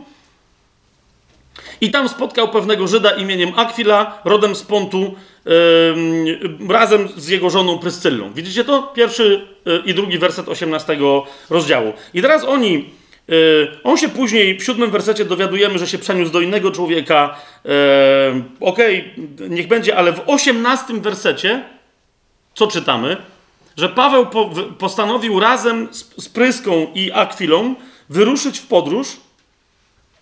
Czyli 18 rozdział, 18 werset mówi nam, pa Paweł mieszkał tam jeszcze przez wiele dni, potem pożegnał się z braćmi i popłynął gdzie? Do Syrii. Widzicie to? To jest ten sam kierunek, który Paweł obrał w 20 rozdziale. Siedzi gdzieś przez trzy miesiące i postanawia płynąć do Syrii. Ok? Gdzie siedzi? Yy, wszystko wskazuje na to, że to jest dokładnie to samo miejsce, z którego wcześniej wyruszał do Syrii, czyli jakie? Korynt. Ok? Czemu? Ponieważ wschodni port Koryntu, czyli Kenchry, miał regularne rejsy do Syrii. I dokładnie z tego w 18 rozdziale, w 18 wersecie, z tego widzimy, że z tego portu Paweł korzysta. Mamy wspomnienie jasne o nim, dlatego że Paweł tam jakąś dziwną rzecz zrobił, mianowicie ogolił się na łyso. Tak? Ponieważ złożył taki ślub, być może, że złożył jakieś śluby nazirejskie, tego do końca nie wiemy, tak? Nie, nie jest to teraz dla nas interesujące, ale z tego powodu e, Łukasz pisze, zobaczcie, Paweł mieszkał tam jeszcze przez wiele dni, gdzie? W Koryncie, potem pożegnał się z braćmi i popłynął do Syrii, a z nim Pryscylla i Akwila, widzicie? Teraz skąd popłynął? Z portu w Kenchrach. I w tych Kenchrach, zanim wypłynęli, Łukasz mówi, w Kenchrach ostrzygł głowę, yy, bo złożył taki ślub. Jasne? Zatem, zatem, kochani, to jest pierwsza, yy, to jest, yy, to jest pierwsza informacja, która nas nakierowuje na to, że jeżeli Paweł z Macedonii przeszedł do Achai i zatrzymał się gdzieś trzy miesiące, a stamtąd, w takim miejscu, z którego łatwo było wydostać się do Syrii, to takie miejsce najprawdopodobniej to jest Korynt, ponieważ jego wschodni port w Kenchrach y, miał rejsy do Syrii, z których wcześniej Paweł już też korzystał. Jasne to jest? To jest pierwsza rzecz, ale nie jedyna, nie jedyna. Otwórzcie sobie list do Rzymian. Y, razem ze mną 16 rozdział. I zwróćcie uwagę, kto list Rzymianom przynosi. Kto dostarcza Rzymianom list od Pawła. Polecam wam Febę, naszą siostrę, która jest służebnicą kościoła gdzie? W Kenchrach.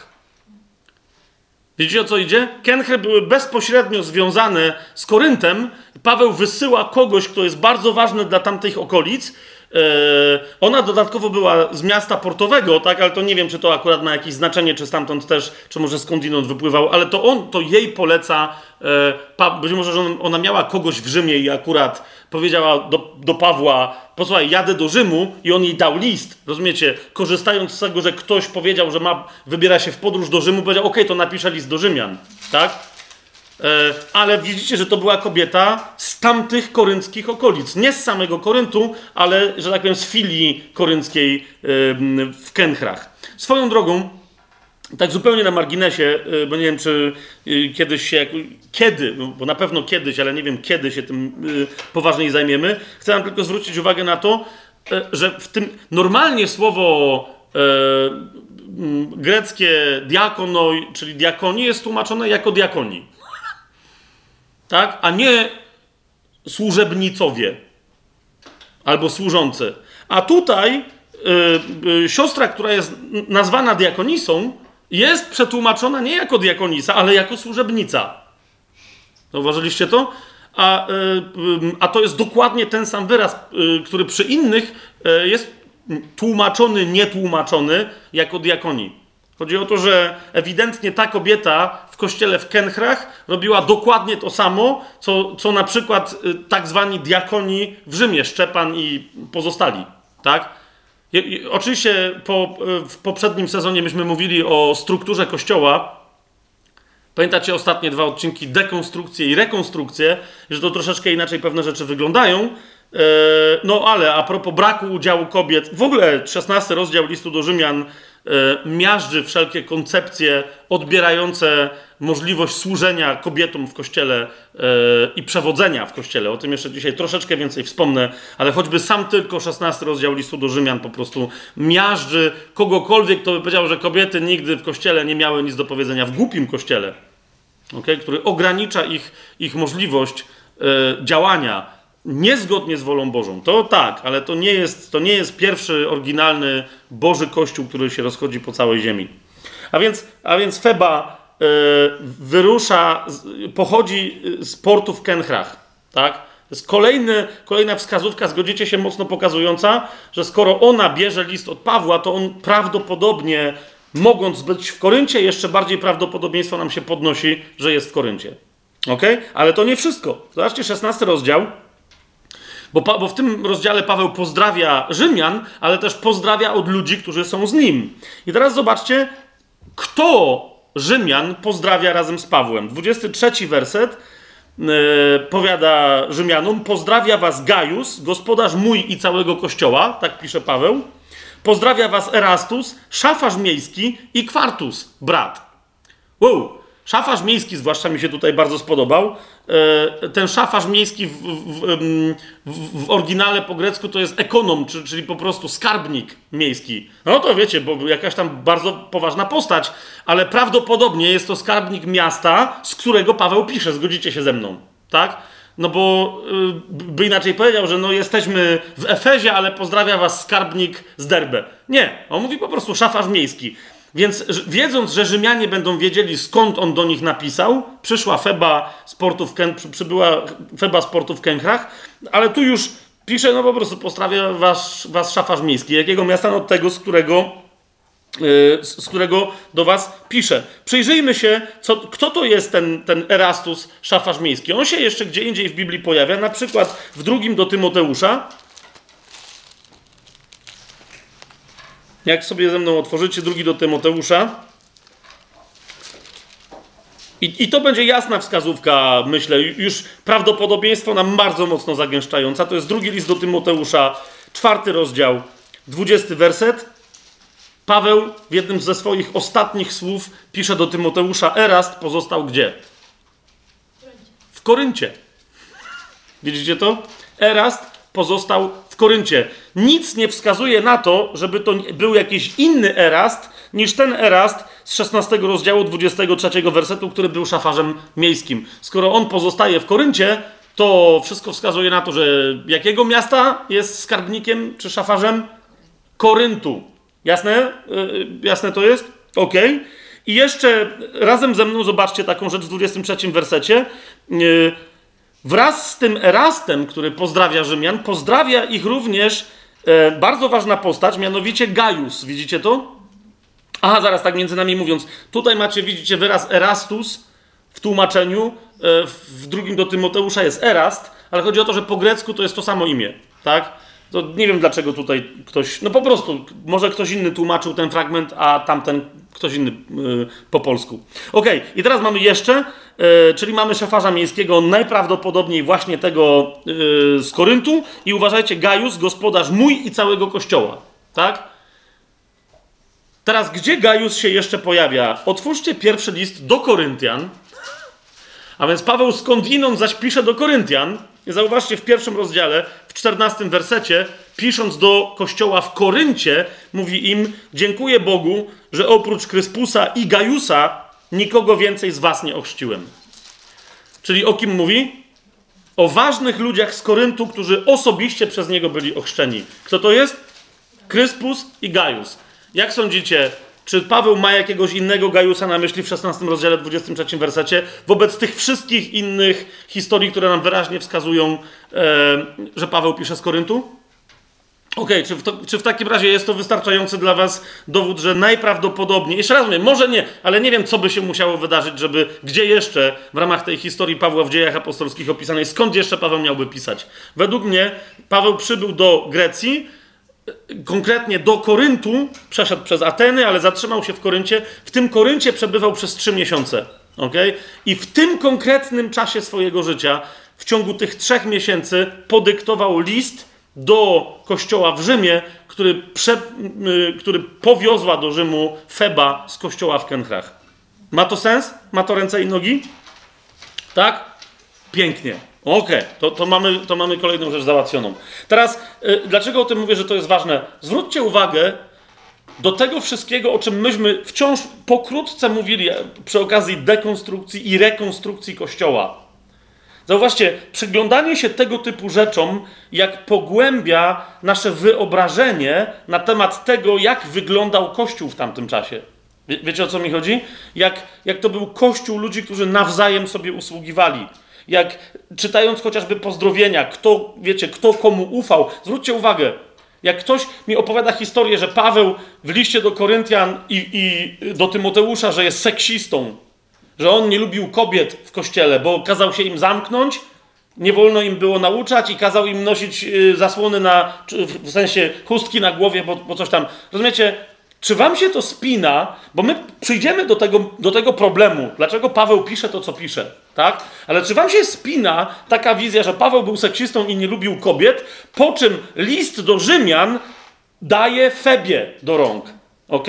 I zobaczcie, 16 rozdział, pierwszy werset. Polecam wam Febę, naszą siostrę, która jest służebnicą kościoła w Kenchrach, diakonisą, niech będzie, ale dobra, no niech będzie, że tam jest służą, abyście ją przyjęli w Panu, jak przystoi świętym. I zauważcie, i pomagali jej w każdej sprawie, w której by was potrzebowała. I ona bowiem wspomagała wielu, także i mnie samego. Rozumiecie? To jest polecenie prawie że apostoła, tak? On mówi, cokolwiek ta kobieta będzie od was chciała, żeby wam nawet oko nie mrugnęło, tylko jej, żebyście nawet przez sekundę się nie zastanawiali, czy, czy to ma sens. Po prostu. Rozumiecie, z jakimi ona prerogatywami, z jakim poruczeniem jedzie do, do, do, do Rzymu? Więc te, oczywiście tego typu fragmentów, yy, nawet w samym 16 rozdziale, to jest jeszcze więcej i dzisiaj też tego dotkniemy, ale rozumiecie, popatrzcie, z kim Paweł pracuje, z kim podróżuje, z kim naucza, komu zostawia jakie odpowiedzialności i czy, i, i, i, i czy jak, mając te wszystkie informacje, zobaczysz, kim jest Paweł, czy wtedy z takim samym nastawieniem umysłu będziesz rozważać to, co on napisał do Koryntian. Rozumiecie, o co mi idzie? Dlatego o, o, o, tym wspominam, bo, bo często ludzie po prostu biorą tekst Pawła, wyrywają z kontekstu, także tego kontekstu, kim on był, Dlatego rozumiecie, te trzy poprzednie e, spotkania poświęciliśmy na samo tylko rozważanie, kim Paweł się stał w ciągu swojego życia, z jakiej religii wyszedł i do jakiej wolności w Chrystusie doszedł, tak? Żeby później, kiedy czytamy jego listy, wiedzieć, że pewne sposoby interpretowania e, tego, co napisał, po prostu są, są nieprawdopodobne, są niedopuszczalne ze względu na to, co wiemy na temat Pawła jako autora, dojrzewającego w Chrystusie do, do, do, do pełni Bożej. Okej, okay, ale to, to, mm, mm, to zostawmy. Teraz na, odpowiedź na następne pytanie, niezwykle dla nas istotna. Mianowicie Paweł pisze list do Rzymian. Jak już powiedziałem, pisze e, list do miasta, w którym nigdy wcześniej nie był. To już, to już dzisiaj e, wyjaśniliśmy. No, 16 rozdział nam pokazuje, że niekoniecznie do ludzi, których nie zna, tak? Ale w, y, z pewnego względu bardzo zasadnym jest postawienie pytania, zanim zaczniemy czytać list do Rzymian, bo jeszcze raz, to nam pomoże zrozumieć, co się dzieje w tym liście. Mianowicie postawić sobie pytanie, do kogo Paweł pisze list do Rzymian? Do kogo? Do kogo Paweł pisze list do Rzymian? I teraz ktoś zapyta, no jak do kogo? No jest na początku napisane, nie, nie, nie, no, to co jest na początku napisane, to się zaraz przeczytamy, co tam jest napisane. Ale, ale, hmm. O, może tak. Może, może zacznę w ten sposób. Widzicie, w tradycji, jak, yy, i to nie tylko rzymskokatolickiej, ale także wielu protestanckich nurtów, nikt się nawet nie zastanawia, jak ich zapytasz, kto założył kościół w Rzymie. Odpowiedź będzie brzmiała zasadniczo, i wszyscy powiedzą, że powołują się na Ireneusza. Odpowiedź będzie brzmiała, że no Piotr z Pawłem. Ponieważ oni, tradycja nam przekazuje, że obydwaj w pewnym momencie tam głosili i obydwaj w Rzymie zginęli. Piotra powiesili do góry nogami na krzyżu, bo on powiedział, że jest niegodny, według legend, że jest niegodny umierać tak jak Pan Jezus, a Pawła ścięto mieczem, ponieważ był Rzymianinem i to była kara śmierci, na którą... Yy, ale tego nie mamy w Biblii, tak? My tego nie mamy w Biblii. Nie ma w ogóle wzmianki w Biblii na temat tego, yy, że Piotr przyszedł do Rzymu i zakładał tam jakiś kościół. Okay? Niektórzy mówią, zaraz, zaraz, zaraz, ale mamy pierwszy Piotra. No i rzeczywiście, otwieramy pierwszy Piotra. Jeżeli ze mną to uczynicie, mówią, niektórzy mówią, mamy pierwszy list Piotra. Świetnie. W piątym rozdziale tego pierwszego listu Piotrowego Piotr mówi y, w trzynastym wersecie y, taką rzecz, skrótowo i lakonicznie powiada: Pozdrawia was Kościół w Babilonie, razem z wami wybrany i Marek, mój syn. Pozdrawia was Kościół w Babilonie. I niektórzy mówią, że no Piotr z pewnych względów nie chciał zdradzać niewtajemniczonym, gdyby wpadło im w ręce to pismo, gdzie jest, ale chrześcijanie wszyscy wiedzieli, gdzie jest Babilon, że to jest Rzym, tak? A więc pozdrawia was Piotr yy, razem z kościołem, który jest w Babilonie, tak? No i razem ze mną mówi jest Marek.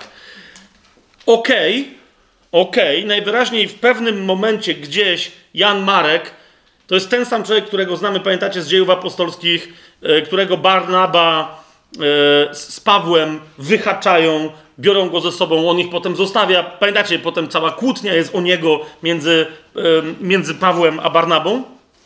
Bo Barnaba chciał, żeby on z nimi szedł w drugą podróż misyjną, Paweł nie chciał.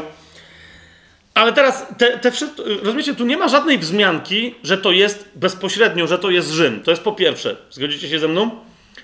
E, rzeczywiście wiele wskazuje na to, że mógł Piotr, chcąc ukryć, że jest w Rzymie, mógł. Na... Tylko z drugiej strony, wiecie,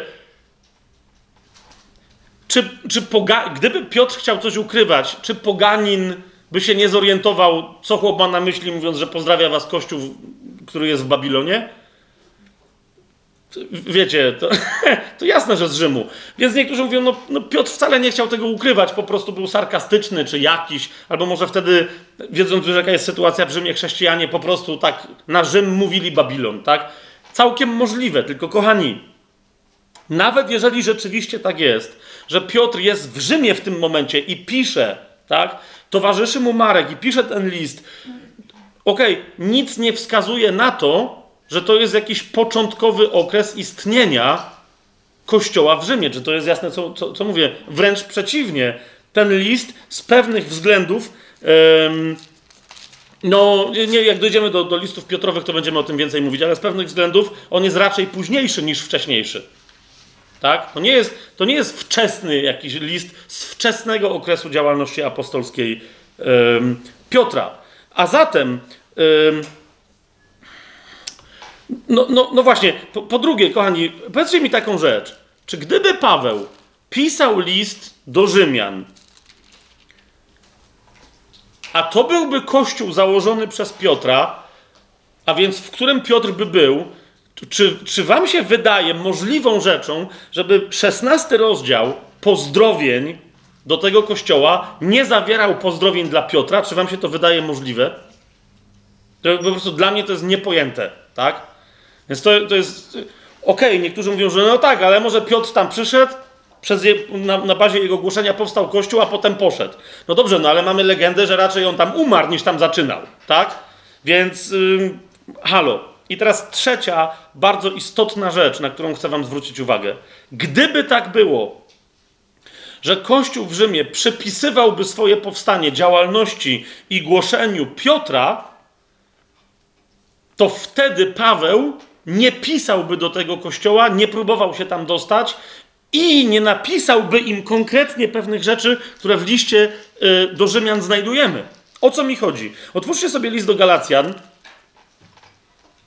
bo, to jest jedno z takich miejsc, y, które bardzo wyraźnie o tym wspomina. Otóż Paweł rozumiał posługę Piotra w taki sposób, mimo że my wiemy, że pamiętacie, Piotr poszedł do Korneliusza, on pierwszy głosił poganom, to co do tego nie ma wątpliwości. Amen? Mam amen na to? Okej, okay. nie ma wątpliwości, że on, on to otworzył. On otworzył drzwi poganom. Ale zauważcie, w drugim yy, rozdziale listu do Galacjan, w siódmym wersecie i dalej aż do dziewiątego, mówi bardzo istotne rzeczy Paweł na temat porozumienia, które zostało zawarte między nim, a między innymi Piotrem. Ok, zobaczcie. Yy, w siódmym wersecie, no tam jest cały wcześniejszy kontekst, jak się spotkał w Jerozolimie, ale w każdym razie mówi tak, gdy widzieli, że została mi powierzona Ewangelia, wśród kogo? Wśród nieobrzezanych, tak jak Piotrowi wśród kogo? Wśród obrzezanych, tak? Czytamy dalej. Ten bowiem, który działał skutecznie przez Piotra w sprawowaniu apostolstwa wśród obrzezanych, skutecznie działał i we mnie wśród pogan. Widzicie to? A więc jak się oni spotkali, to wyraźnie, niezależnie od tego, że Piotr głosił w domu Korneliusza, ewidentnie Piotr dalej kontynuował pracę z kim? Z Żydami, z obrzezanymi, z tymi, którzy wyszli, wychodzili spod prawa mojżeszowego. A Paweł ewidentnie, mimo że był faryzeuszem, był wiązany z pracą wśród kogo? Wśród pogan. Tak?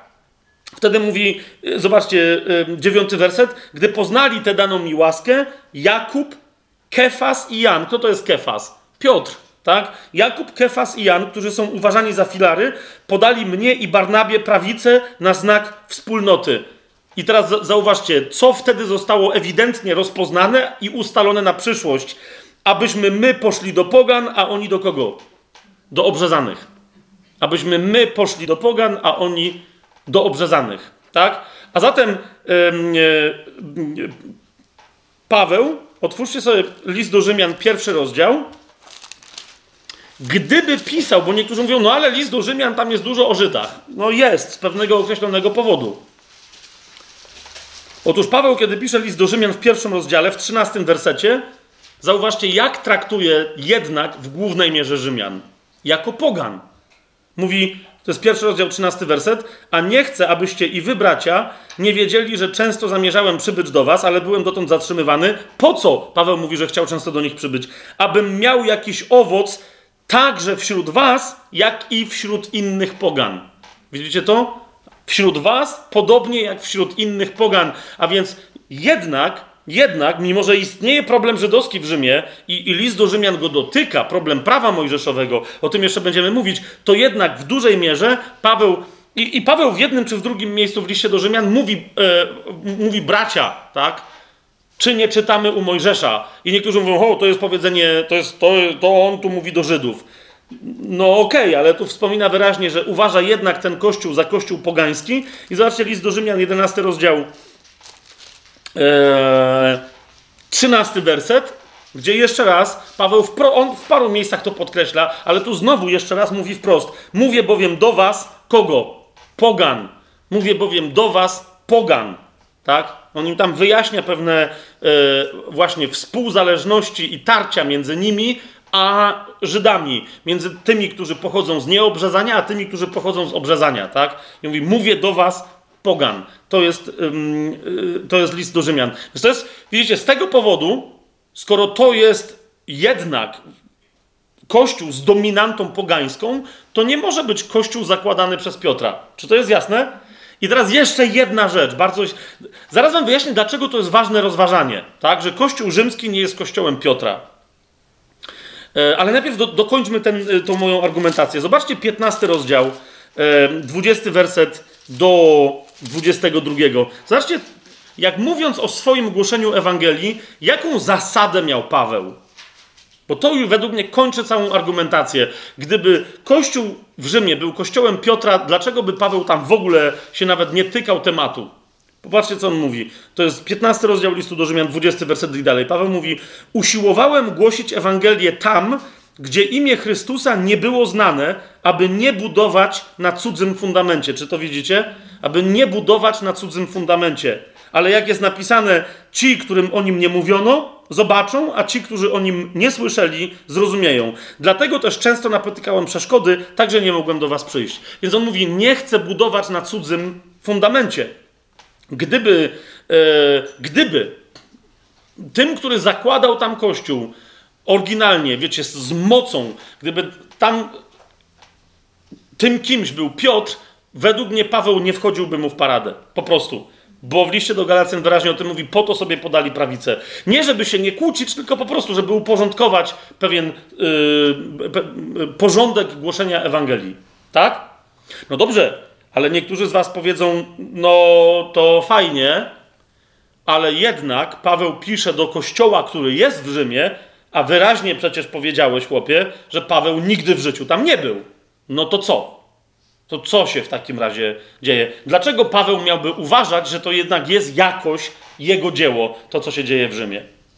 Kochani, jeszcze raz potrzebujemy otworzyć sobie list do Rzymian, 16 rozdział, e, ponieważ teraz chcę powiedzieć bardzo, bardzo, bardzo, bardzo, bardzo, bardzo, bardzo, bardzo, bardzo, bardzo, bardzo, bardzo, bardzo, bardzo ważną rzecz. Niech, nie, nie, jeżeli ktoś to policzy w komentarzach, niech policzy, ponieważ jest tyle mniej więcej wymiarów wagi tego, co chcę teraz powiedzieć, a może nawet jeszcze trochę więcej. Nie wszystkich tych wymiarów teraz dotkniemy, ale gdzie znajdujemy te wymiary? Otóż, kochani, w szesnastym rozdziale Paweł najpierw przedstawia swoją listonoszkę, Aha, nawet bym powiedział, wiecie, bo to jest trochę jak w Powstaniu Warszawskim. Feba była łączniczką. Wiecie, miała przekaz i z jednego miejsca do drugiego przedarła się, przyniosła. Bohaterska kobieta. A więc mówi, najpierw ją wam polecam, no bo ona przyniosła list. Ale teraz zauważcie, od kogo Paweł zaczyna pozdrowienia. Oto przedstawiam wam mm, małżeństwo wciąż według mnie w nauczaniu w kościele dzisiaj za mało znane. Tak? I teraz chcę, uroczyście chcę wam ich przedstawić. Okay? Paweł mówi: pozdrówcie. I od, od tego się zaczynają pozdrowienia. Gdyby tam był Piotr, kochani, według mnie pozdrowienia rozpoczynałyby się najpierw. Pozdrówcie Piotra, który jest filarem, którego macie pośród was. Wiecie o co mi chodzi, tak? Ale pozdrowienia zaczynają się od zupełnie innych apostołów. I teraz tak, dobrze mnie usłyszeliście, zaraz to udowodnię. Paweł pozdrawia apostołów, którzy istnieją w początkach Kościoła Rzymskiego, ale którzy urośli przy Pawle jako apostołowie, okay? jako apostołowie i którzy tam stanowią przywódców wraz z innymi, ale bardzo ważnych przywódców Kościoła w Rzymie. Ponieważ to są współpracownicy Pawła, yy, no to właśnie dlatego Paweł, wiecie, jakby ośmiela się pisać do Rzymu jak do siebie, mimo że tam nigdy nie był, ponieważ ten kościół stoi ludźmi, których on zna skąd inąd. Po pierwsze, zobaczcie, ile tu jest pozdrowień. Paweł nigdy w życiu nie był w Rzymie, a zobaczcie yy, pozdrowienia, tak? Od trzeciego wersetu. Pozdrówcie Pryskę i Akwilę. Yy, dalej mówi, pozdrówcie Epeneta. Ok, pozdrówcie Marię, pozdrówcie Andronika i Junię, pozdrówcie Ampliasa, pozdrówcie Urbana, pozdrówcie Apellesa po, i wszystkich, którzy są z domu Arystobula, pozdrówcie Herodiona, pozdrówcie ty, tych, którzy są z domu Narcyza, pozdrówcie Tryfenę. I, rozumiecie? I on tak idzie i idzie, idzie i pytanie jest brzmi, brzmi skąd chłop ich zna w ogóle? Co się dzieje? Zaraz to sobie wyjaśnimy. Ale domyślacie się, że skoro on ty i jeszcze mnóstwo tych ludzi nazywa, to jest mój współpracownik, z tym walczyłem, z tym żeśmy siedzieli w więzieniu, ta jest moją matką. Rozumiecie, co jest w ogóle grane? Kościół w Rzymie jest przesiąknięty obecnością współpracowników różnego rodzaju Pawła. ok? I chociaż on nigdy w Rzymie nie był, to są ludzie, którzy tam ewidentnie głoszą to, co Paweł głosi, tak jak Paweł głosi. Ok? I list do Rzymian, o tym chcę, żebyście pamiętali, niezależnie od tego, jak zaraz powiemy dokładnie, więc do kogo Paweł pisze, to jest to, Paweł pisze do kościoła, w którym jeszcze nigdy nie był, ale w którym są jego, znaczy nie jego ludzie, tak? Ale ludzie, z którymi on się zna. I, i stąd wie, po prostu zakłada, e, że ma prawo wiedzieć, jak oni głoszą, jak konstruują Kościół, ponieważ robią to, co robili wcześniej w wielu innych miejscach. Tak?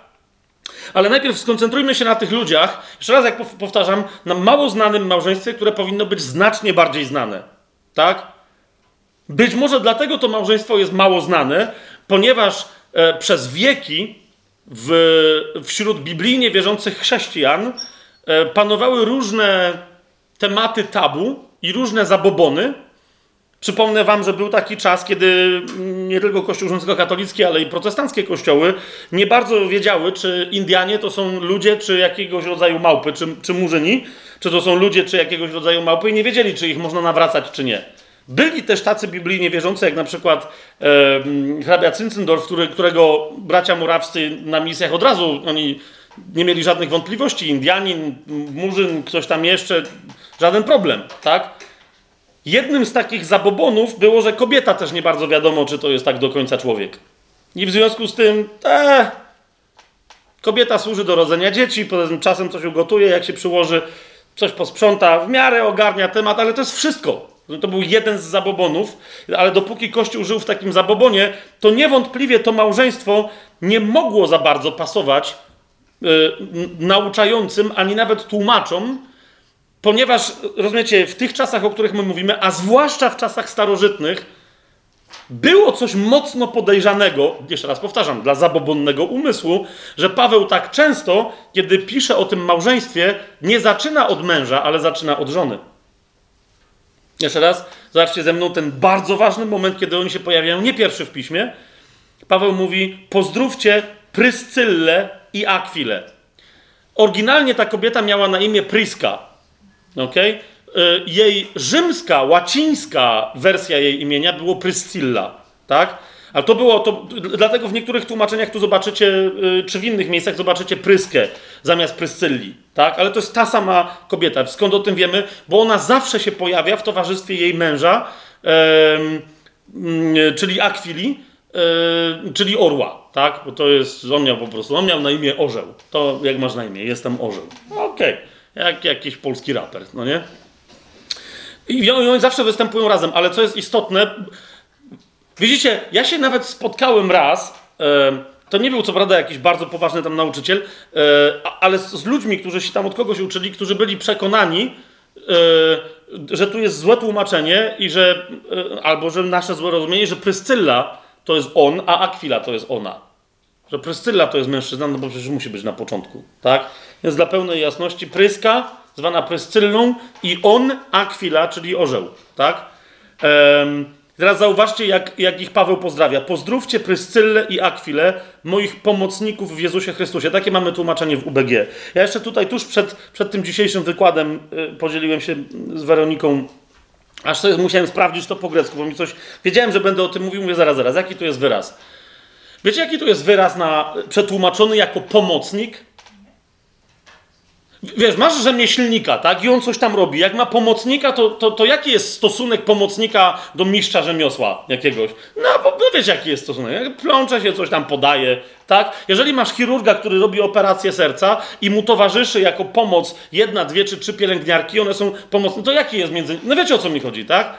Teraz uważajcie, tu pojawia się słowo w języku greckim na określenie, kim byli dla Pawła Pryska i Akwila, tu pojawia się określenie synergon. To znaczy, to znaczy, gdzie jest słowo synergia? Co oznacza synergia? Współdziałanie paru elementów, tak, że to współdziałanie tworzy znacznie większą siłę, nie tworzy sumy, ale tworzy iloczyn. Mnoży tę ich siłę, tak? Oznacza, to jest, rozumiecie, od, od słowa e, ergon, czyli pracować, i syn, czyli razem z. Jakie tu powinno się znaleźć słowo? Pozdrówcie Pryscyllę i Akwilę, moich współpracowników. I to w dodatku wyraźnie trzeba byłoby to podkreślać. Współpracowników, którzy byli na równi ze, razem ze mną pracujący. Rozumiecie o co mi chodzi? Moich współpracowników. To oznacza, Paweł mówi, ja pracuję tu, a ci, którzy razem ze mną pracują u was, i to jest Pryska i Akwila. Kapujecie, jaka. Zauważcie, jedno, i teraz jeszcze raz zrozumcie, ja nawet znam niektórych tych tłumaczy i chodzi mi o to, że ja wiem, jaką oni ciężką wykonują pracę, więc ja nie chcę teraz powiedzieć, że e, łazęgi źle to tłumaczą. No nie, bo ktoś po prostu mógł, wiecie, teraz akurat my rozważamy ten jeden fragment i w ramach tego fragmentu ten jeden wyrazik, tak? Ale to jest ważne, dlatego to podkreślam, bo z drugiej strony właśnie ktoś inny weźmie tłumaczenie i będzie się to tam rozważał. To niech rozważy właściwy wyraz. Paweł mówi: Pozdrówcie Pryskę i Akwilę, moich współpracowników w Jezusie Chrystusie. Czujecie, co, to, co, co się tu dzieje, gdzie ich Paweł stawia i na kogo pokazuje? Którzy za moje życie nadstawiali własnego karku, którym, i teraz zwróćcie na to uwagę, którym nie tylko ja sam dziękuję, ale kto jeszcze? Wszystkie kościoły pogan. Co Paweł w tym fragmencie wyraźnie sugeruje? Mówi, oni mają dokładnie taki sam status w służbie jak ja. Robią dokładnie to samo co ja. Wobec kogo? Wobec tych wszystkich kościołów, od których ja teraz wam, Rzymianom, przesyłam pozdrowienie. Jeżeli jeszcze o tym Rzymianie nie wiecie, to zrozumcie, kogo między sobą macie. Paweł dalej mówi, pozdrówcie także Kościół, który jest w ich domu. Widzicie, Pryska za chwilą przybyli do Rzymu, zresztą nie pierwszy raz, zaraz sobie o tym więcej powiemy, i y, w ramach swojego modelu apostol... Paweł nigdy tak nie robił, tak? Ale zaraz wam pokażę. Pryska za chwilą są apostołami, którzy działają inaczej niż apostoł Paweł. Więc rozumiecie, mamy różne modele e, apostolstwa w Biblii. Ich model jest jaki? Przybywają do danego miejsca i otwierają kościół domowy. To jest ich model. Tak? To nie jest tak jak Paweł, że on przyjedzie, przyjeżdża do danego miejsca i zaczyna nauczanie, tak? I staje się, staje w samym środku zarzewia jakiegoś konfliktu, tak? Najczęściej z Żydami, ale też z innymi poganami. Ci, ta para przyjeżdża do danego miasta, do danego miejsca i zakłada kościół domowy.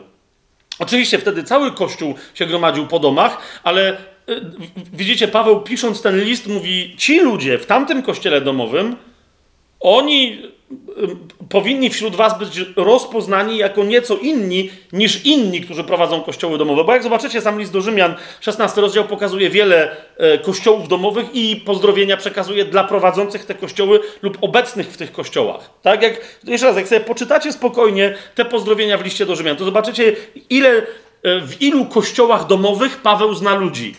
On pisze do wszystkich chrześcijan w Rzymie, tak, ale pozdrawia tych, którzy są w konkretnych kościołach domowych.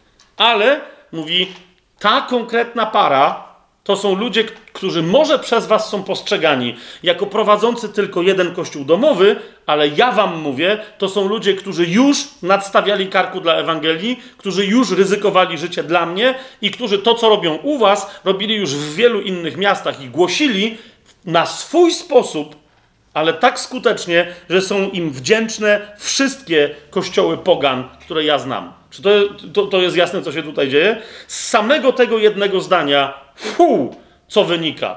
Tak? Hu, co wynika.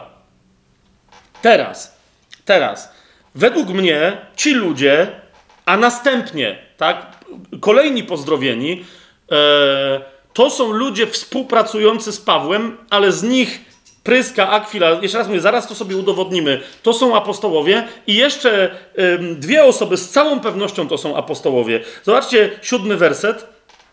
Bo tam macie, yy, dobra, inaczej, piąty werset jeszcze. Po, pozdrowienie jest dla kogo? Mojego umiłowanego, czy też mojego miłego Epeneta, który jest pierwszym plonem Achai dla Chrystusa. A więc to jest jeden z pierwszych nawróconych w Grecji, tak? Bardzo ważna postać w związku z tym, który teraz znajduje się y, w Rzymie. Pozdrówcie Marię, która wiele pracowała dla nas. Więc kolejną osobę Paweł pokazuje, mówi, zobaczcie, to jest kobieta, która wie, co robi. I Wow, tu jest sensacyjne zdanie, siódmy werset. Pozdrówcie Andronika i Junię, moich krewnych i moich współwięźniów, uważajcie, którzy są poważani pośród apostołów, którzy też przede mną byli w Chrystusie. Pierwsza rzecz, w UBG będziecie mieli no, pewien problem, znowu, ze względu na to zdanie. Tak, to samo się dzieje w języku angielskim w różnych tłumaczeniach. Już z, z wieloma ludźmi rozmawiałem na ten temat. Okay? Otóż to zdanie w języku greckim naprawdę bardzo swobodnie można i należy zrozumieć, że Paweł pozdrawia dwie osoby, które nie są poważane przez apostołów, ale które są poważane jako szczególnie istotni wśród innych apostołów. Czyli rozumiecie, jest pewna służba apostolska, a ci ludzie w tej służbie apostolskiej się wyróżniają. Kto to jest? I, i, i więc to zdanie, pozdrówcie Andronika i Junię, którzy są poważani wśród apostołów którzy mają szczególne rozpoznanie i poważanie w gronie apostołów. To jest dokładnie, to jest taka myśl. Teraz widzicie, skoro tych ludzi można by uznać, że oni są apostołami, to, to niektórzy próbują z Juni, a więc kobiety, zrobić Juniasa.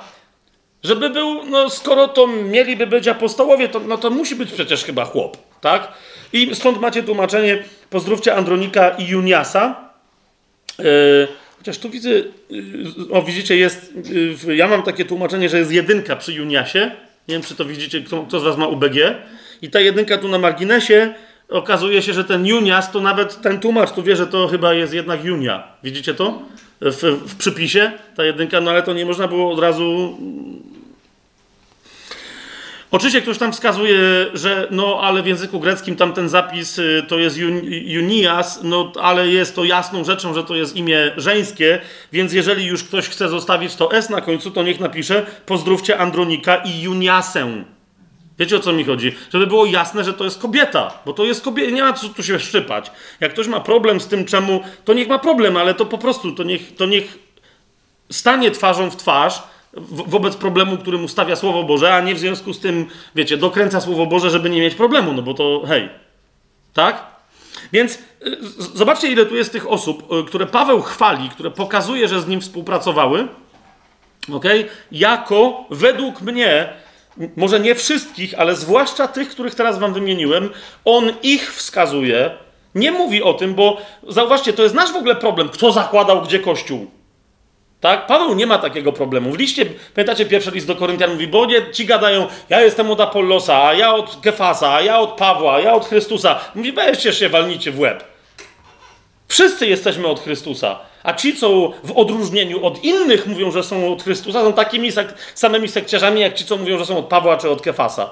Wszyscy jesteśmy tak samo od Chrystusa, więc nie szukajcie kto gdzie. My teraz mówimy o, Dlaczego więc ja mówię, o, ale kto w takim razie założył ten kościół? Żeby pojąć, jak wyglądała atmosfera w tamtym kościele. Tak? Wolność, która nie była chaosem. O to mi chodzi. Tak?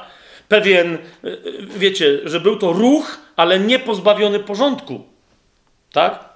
Niemniej, niemniej, teza moja jest taka, że ludźmi, którzy, którzy byli na u początków kościoła w Rzymie, są Pryska i Akwila. I teraz chciałbym, żebyśmy się pokrótce nieco więcej nimi zajęli. Gdzie oni się w ogóle nam pojawiają? I dlaczego powiedziałem, że, tak, że, że, według mnie za mało się uczy na ich temat? No nie, żeby Pismo Święte jakoś wielce o nich mówiło, no ale z drugiej strony mówi znacznie więcej niż się o nich dzisiaj mówi. Dzieje apostolskie, jak sobie otworzymy 18 rozdział, no to jest wjazd Pryski i Akwili na, na scenę historii pierwszego kościoła. To jest 18 rozdział, pierwszy, drugi i trzeci werset. Paweł, jak pamiętacie, nie do końca, e, e, po nie do końca sukcesie odniesionym, z Aten wyrusza i przemieszcza się gdzie? Do Koryntu. I Łukasz nam mówi, potem Paweł opuścił Ateny i przybył do Koryntu. Teraz uważajcie, spotkał tam, czyli gdzie? W Koryncie, pewnego Żyda imieniem Akwila, rodem z Pontu, który niedawno przybył z Italii razem ze swoją żoną Pryscyllą, ponieważ Klaudiusz zarządził, żeby wszyscy Żydzi opuścili Rzym i poszedł do nich. A ponieważ znał to samo rzemiosło, zamieszkał u nich i pracował. Zajmowali się bowiem wyrobem nam, namiotów. I potem jest powiedziane, w każdy szabat rozprawiał w synagodze i przekonywał i Żydów, i Greków. To jest, wiecie, to się pojawia pryska za Akwilą, tak? Akwila jest, jest y, rodem z Pontu, ale zwróćcie uwagę, że pojawia się w Koryncie razem ze swoją żoną, skąd przybywszy? Z Rzymu. To jest bardzo istotne. Teraz widzicie, jak Paweł pisze z Koryntu list do Rzymian i wymienia, mówi pozdrówcie Pryskę i Akwilę, to najprawdopodobniej oni już wrócili do Rzymu wtedy. Tak? O co tutaj chodzi? Paweł, Łukasz tutaj mówi, że, że, że Klaudiusz zarządził, żeby wszyscy Żydzi opuścili Rzym. Prawda jest taka, że my nie do końca wiemy, co, co się tam wtedy wydarzyło, ale historyk rzymski Swetoniusz pisze następującą rzecz, że Klaudiusz rzeczywiście w pewnym momencie wywalił wszystkich Żydów z Rzymu. I, i, I, tam znajdujemy po, po łacinie taką interesującą historyjkę, którą Swetoniusz mówi. Mianowicie, dlaczego Klaudiusz się wkurzył na Żydów, na których się zasadniczo Rzymianie za specjalnie nie wkurzali, bo oni tam, wiecie, handel fajnie prowadzili i tak dalej. Ale teraz co się stało, że nagle cesarza Klaudiusza tak wnerwili? Otóż Swetoniusz pisze, że wywalił Żydów ze względu na jakieś zatargi, które Żydów doprowadziły w Rzymie do szału, a które to zatargi powstały na punkcie niejakiego Chrystosa. Czyli, oczywiście, wiecie, Swetoniusz w ogóle, on to pisze jeszcze w czasach, kiedy dla niego chrześcijaństwo za bardzo nie było jasne. I on, oni, chodziło oczywiście o Chrystosa, o Chrystusa, o Mesjasza, a więc, rozumiecie, do Rzymu dotarła dobra nowina. My wiemy jak, tak? I jak wszędzie w dziejach apostolskich czytamy, tak pewnie i w Rzymie, wiecie, jedni się nawrócili, tamci się z nimi zaczęli kłócić. Wiecie o co chodzi? Zaczęły się walki. Klaudiusz, który y, może i słyszał, że w innych miastach, ale co go to obchodzi, tak? Chociaż jak pamiętacie, z innych miast Pawła, kiedy dzieje apostolskie nam o tym opowiadają, też wywalają, tak? I czasem Żydzi wszyscy są. Pamiętacie, jak Sostenesa tam pobili, tak? No, nie bardzo wiedzieli w mieście o co chodzi, ale skoro Żydzi podnieśli rozruchy, to Żydzi dostali, tak? Klaudiusz stwierdził, nie będziemy bić Żydów, ale trzeba ich wywalić. Nie będą mi robić jakiegoś rabanu, nie wiem o co chodzi. Jakiś Chrystus, jakiś Chrestos, o co się oni kłócą? Nie, zauważcie, wszystkie w dziejach apostolskich te historie, kiedy Paweł staje przed, ym, no z wyjątkiem Sergiusza Pawła, który się nawrócił. Ale pamiętacie, cała ta reszta często mówi, że jakby chodziło o problemy prawa rzymskiego, to bym się wami życie zajął jak należy, tak? Mówi jeden z namiestników. Mówi, ale że to są wasze sprawy, to sami je załatwiajcie. Po prostu Rzymianie nie chcą się, wiecie, angażować w sprawy religijne, co do których mają przekonanie, że nie wpłyną na powodzenie państwa rzymskiego. Tak? Rzymianie są tak bardzo mocno przekonani o sile swoich bogów i wiedzą, komu trzeba składać ofiary i tak dalej, a co do żydowskiego Boga, na tyle nie wiedzą, co jest grane, to jest nietypowa religia, że po prostu oni się w to nie plączą. A jeszcze się pojawili następni ludzie, którzy jakby jeszcze bardziej ekstremalnie mówią, że nawet Żydzi w ogóle nie wiedzą o co chodzi, że rozumiecie, dlatego później bardzo szybko wśród Rzymian chrześcijanie stają się herezją okrutną i, i niegodziwą i bluźnierczą. Dlaczego? No bo nie robią niczego, co by było religijne, więc oni stwierdzili, dobra, to już jest przegięcie. W tym jeszcze, na tym jeszcze etapie to jest y, gdzieś między, bo tam różnie to ludzie datują, gdzieś między 41 a 49 rokiem. Swoją drogą to jest bardzo istotne, że wtedy e, E, a więc to musiało być już po tym wygnaniu, kiedy Paweł jest w Koryncie i się spotyka z, Pryską i za chwilą. E, Klaudiusz więc wywala wszystkich Żydów, tak? Ale teraz zwróćcie uwagę, zwróćcie uwagę. Ci Żydzi emigrują więc w różne miejsca. Pryska za chwilą prawdopodobnie słusznie uznali, że skoro Cezar wyrzucił ich z Rzymu, to lepiej jest w ogóle wyjechać z Italii. Bo wiecie, w innych italskich miastach tam ci pomyślą, yy, dobra, cesarz ich wywalił, a my co ich będziemy wywalać? Można ich na przykład wywalić nie z miasta, tylko na przykład gladiatorom na rozciachanie albo lwom na pożarcie. No więc oni uznali, to lepiej się z, z Włoch, w ogóle z Italii w ogóle wyprowadzić. Ale na co chcę wam zwrócić uwagę? Według mnie Pryska za chwilą są ludźmi, którzy wyprowadzają się, są wyrzuceni, bo są Żydami z Rzymu, ale są Żydami nawróconymi. Dlaczego? Bo zwróćcie uwagę, Paweł od razu się do nich przyłącza. Tak? On ich nie nawraca. zwróćcie uwagę, jest wyraźnie powiedziane, że poszedł do nich, tak? I nic im nie głosi. Zamieszkał z nimi, yy, pracował z nimi, natomiast w każdy szabat rozprawiał w synagodze i przekonywał i Żydów, i Greków. Jakich? Nienawróconych. A zatem Pryska za chwilą, kiedy się spotykają z Pawłem, wszystko na to wskazuje, że są już nawróceni. Zgodzicie się ze mną? Nie ma. Łukasz by napisał, że, że Paweł ich nawrócił, Zwłaszcza, że, że Łukasz świetnie wie, jak to są ważni ludzie, ale on mówi: nie, nie, nie, nie. Natomiast oni ewidentnie, będąc nawróconymi, są ludźmi, którzy wyrośli przy Pawle.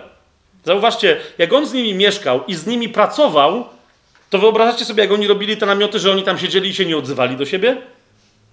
To było dopiero. e, Wiecie o co mi chodzi? Chodził do synagogi, jak było wolne i jak się tam ludzie zbierali i tam im głosił, po czym wracał, a oni z nimi mieli, oni mieli z nim godziny, żeby się więcej od niego nauczyć, żeby się więcej dowiedzieć. Tak? I teraz patrzcie, co się, co się dzieje dalej.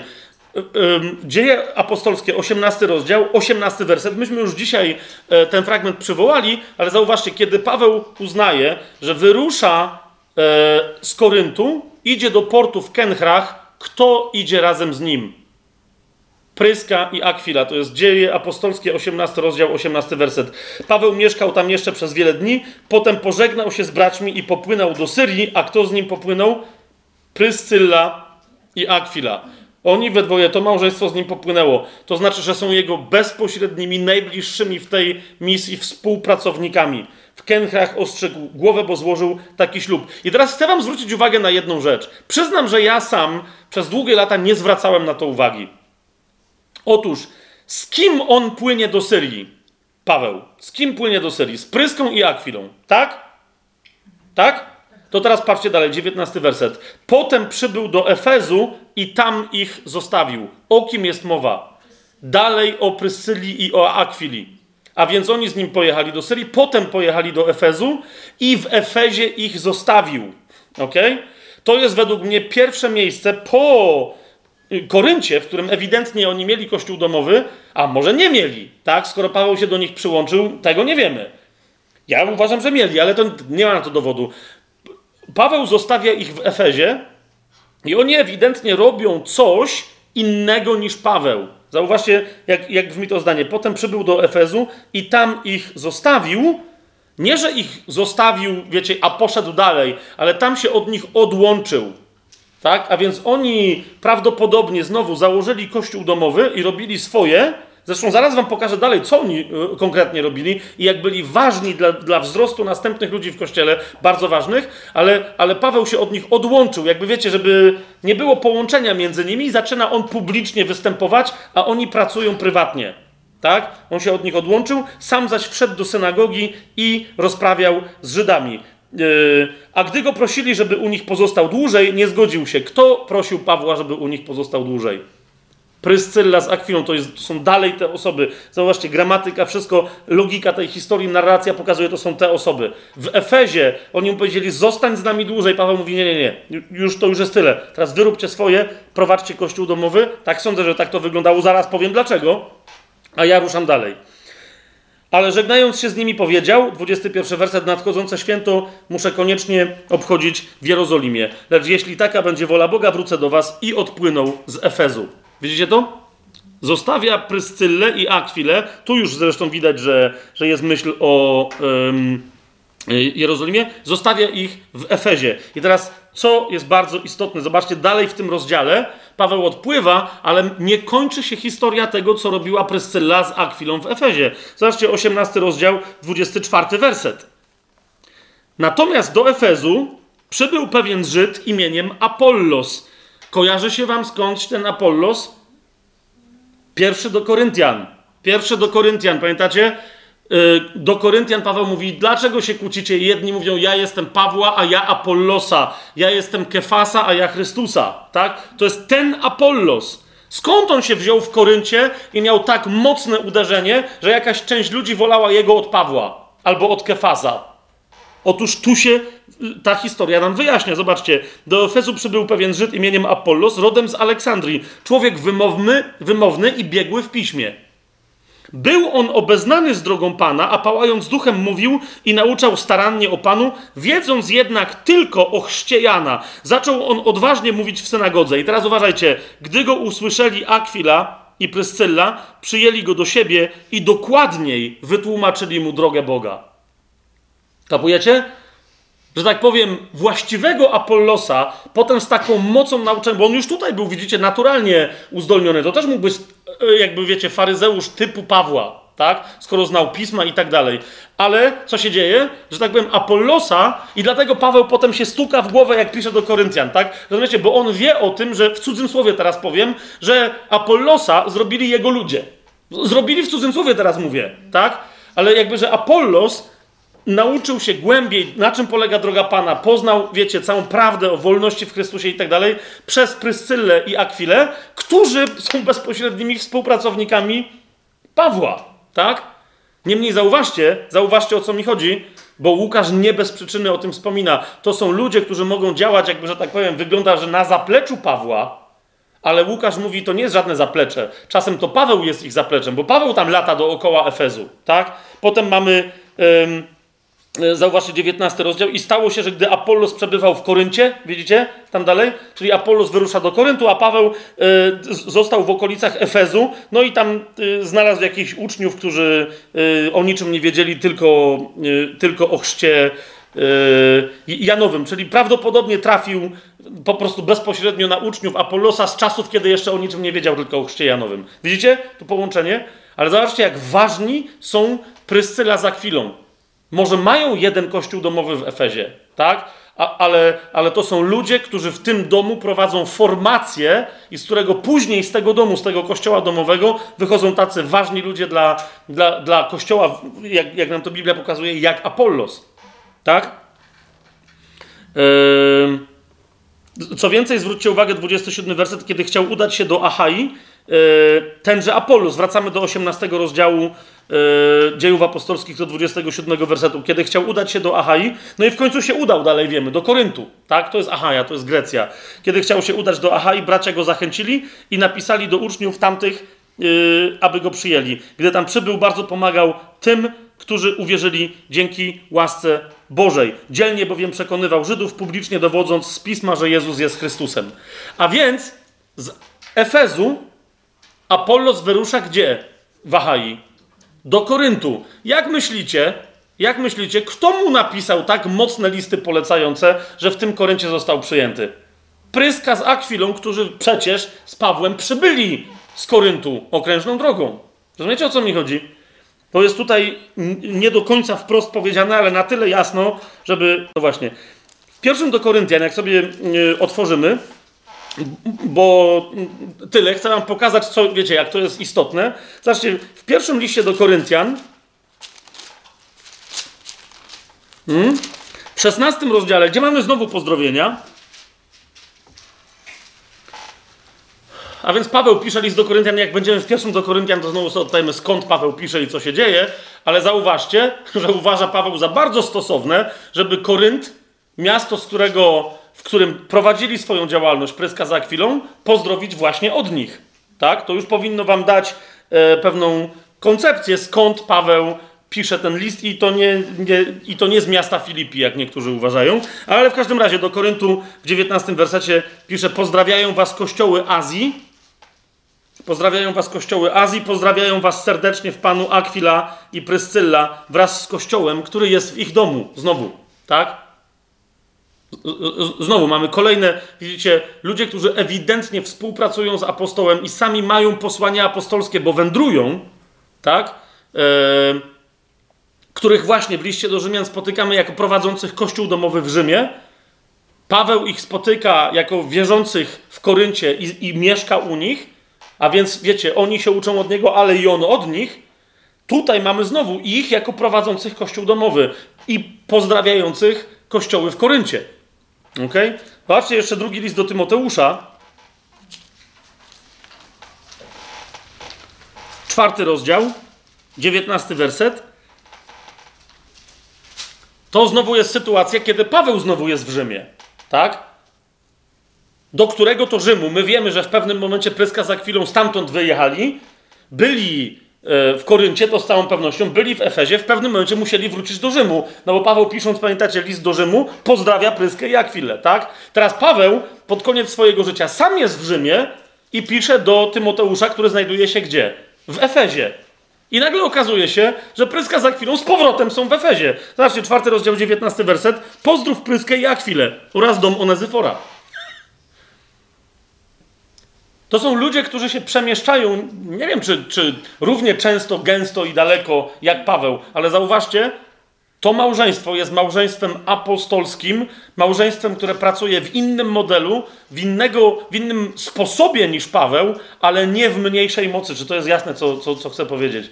Więc jak Paweł pisze list do Rzymian i na początku tego listu pozdrawia Pryskę za chwilą, to czy widzicie, że to są ludzie bardzo, bardzo istotni? To są prawdziwie e, jego współpracownicy, którzy z nim tworzą synergię. Amen? O, jest to. Teraz, oczywiście, list do Rzymian nam pokazuje tych wszystkich innych e, współpracowników. Jak już mówiłem, Andronika i Junie, którzy, którzy są apostołami, jasno z siódmego wersetu według mnie to wynika.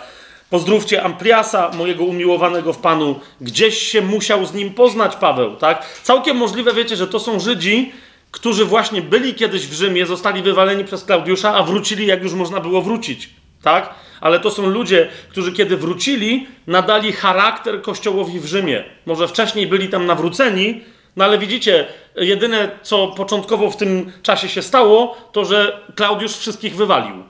Tak? Więc dopiero Kościół w Rzymie nabiera charakteru, kiedy wracają do niego wyrzuceni wcześniej z niego Żydzi nawróceni, lub też przyjeżdżają do niego Żydzi nawróceni, lub inni poganie nawróceni przez Pawła, i ci ludzie, tak, których formował Paweł, czy których formowała znajomość z Pawłem, oni nadają charakter Kościołowi w Rzymie. Tak? To nie jest Kościół Pawła w bezpośrednim sensie, bo Paweł go nie zakładał, ale to jest Kościół Pawła, bo jest wyrosły z jego posługi i z jego nauczania. Czy się ze mną zgodzicie? Nie, nie Piotra, po prostu, nie, nie Piotra. Popatrzcie dalej. 16 rozdział listu do Rzymian, e, ósmy werset. Pozdrówcie Ampliasa, mojego umiłowanego w Panu. Pozdrówcie Urbana, naszego pomocnika w Chrystusie i mojego umiłowanego Stachyna. Rozumiecie, żeby Paweł o kimś takie rzeczy mówił, to, to są ludzie, którzy musieli z nim spędzić jakiś czas i wydatkować energię, poświęcać się razem z Pawłem, ryzykować, pracować. Tak? Dalej, pozdrówcie Apellesa wypróbowanego w Chrystusie, wypróbowanego w Chrystusie. Pozdrówcie tych, którzy są z domu Arystobula. Pozdrówcie Herodiona, mojego krewnego. Pozdrówcie tych, którzy są z domu Narcyza, tych, którzy są w Panu. Pozdrówcie Tryfenę i Tryfozę, które pracują w Panu. Znowu zauważcie, ko kobiety bez mężczyzn. Pozdrówcie umiłowaną Persydę, która wiele pracowała w Panu. Bardzo ważne te, te, uwagi na temat tych kobiet, że one pracują i to wiele pracują w Panu. Są samodzielne pracownice w Panu tak? A, a nie po prostu e, pom, pomaga, pomagierki facetów. Pozdrówcie Rufusa, wybranego w Panu, oraz matkę, jego i moją. Oto jakim szacunkiem matkę Rufusa nie, Paweł otacza. Pozdrówcie Asynkryta, Flegonta, Hermasa, Patrobę, Hermesa i braci, którzy są z nimi. Pozdrówcie Filologa i Julię, Nereusza i jego siostrę, Olimpasa i wszystkich świętych, którzy są z nimi. Policzcie sobie, ilu tu jest facetów, ile tu jest kobiet. Tak? Kto, o kim, co Paweł mówi. I, I, jeszcze raz, z samych tylko tych pozdrowień wyciągnijcie wnioski. Czy to był seksistowski kościół? Czy to był kościół? No, po prostu, tak? Widzicie, to są ludzie, którzy nadają charakter temu kościołowi. I teraz, jak to wiemy, możemy sobie odpowiedzieć na pytanie, więc do kogo Paweł pisze w Rzymie. Z list do Rzymian, pierwszy rozdział, siódmy werset.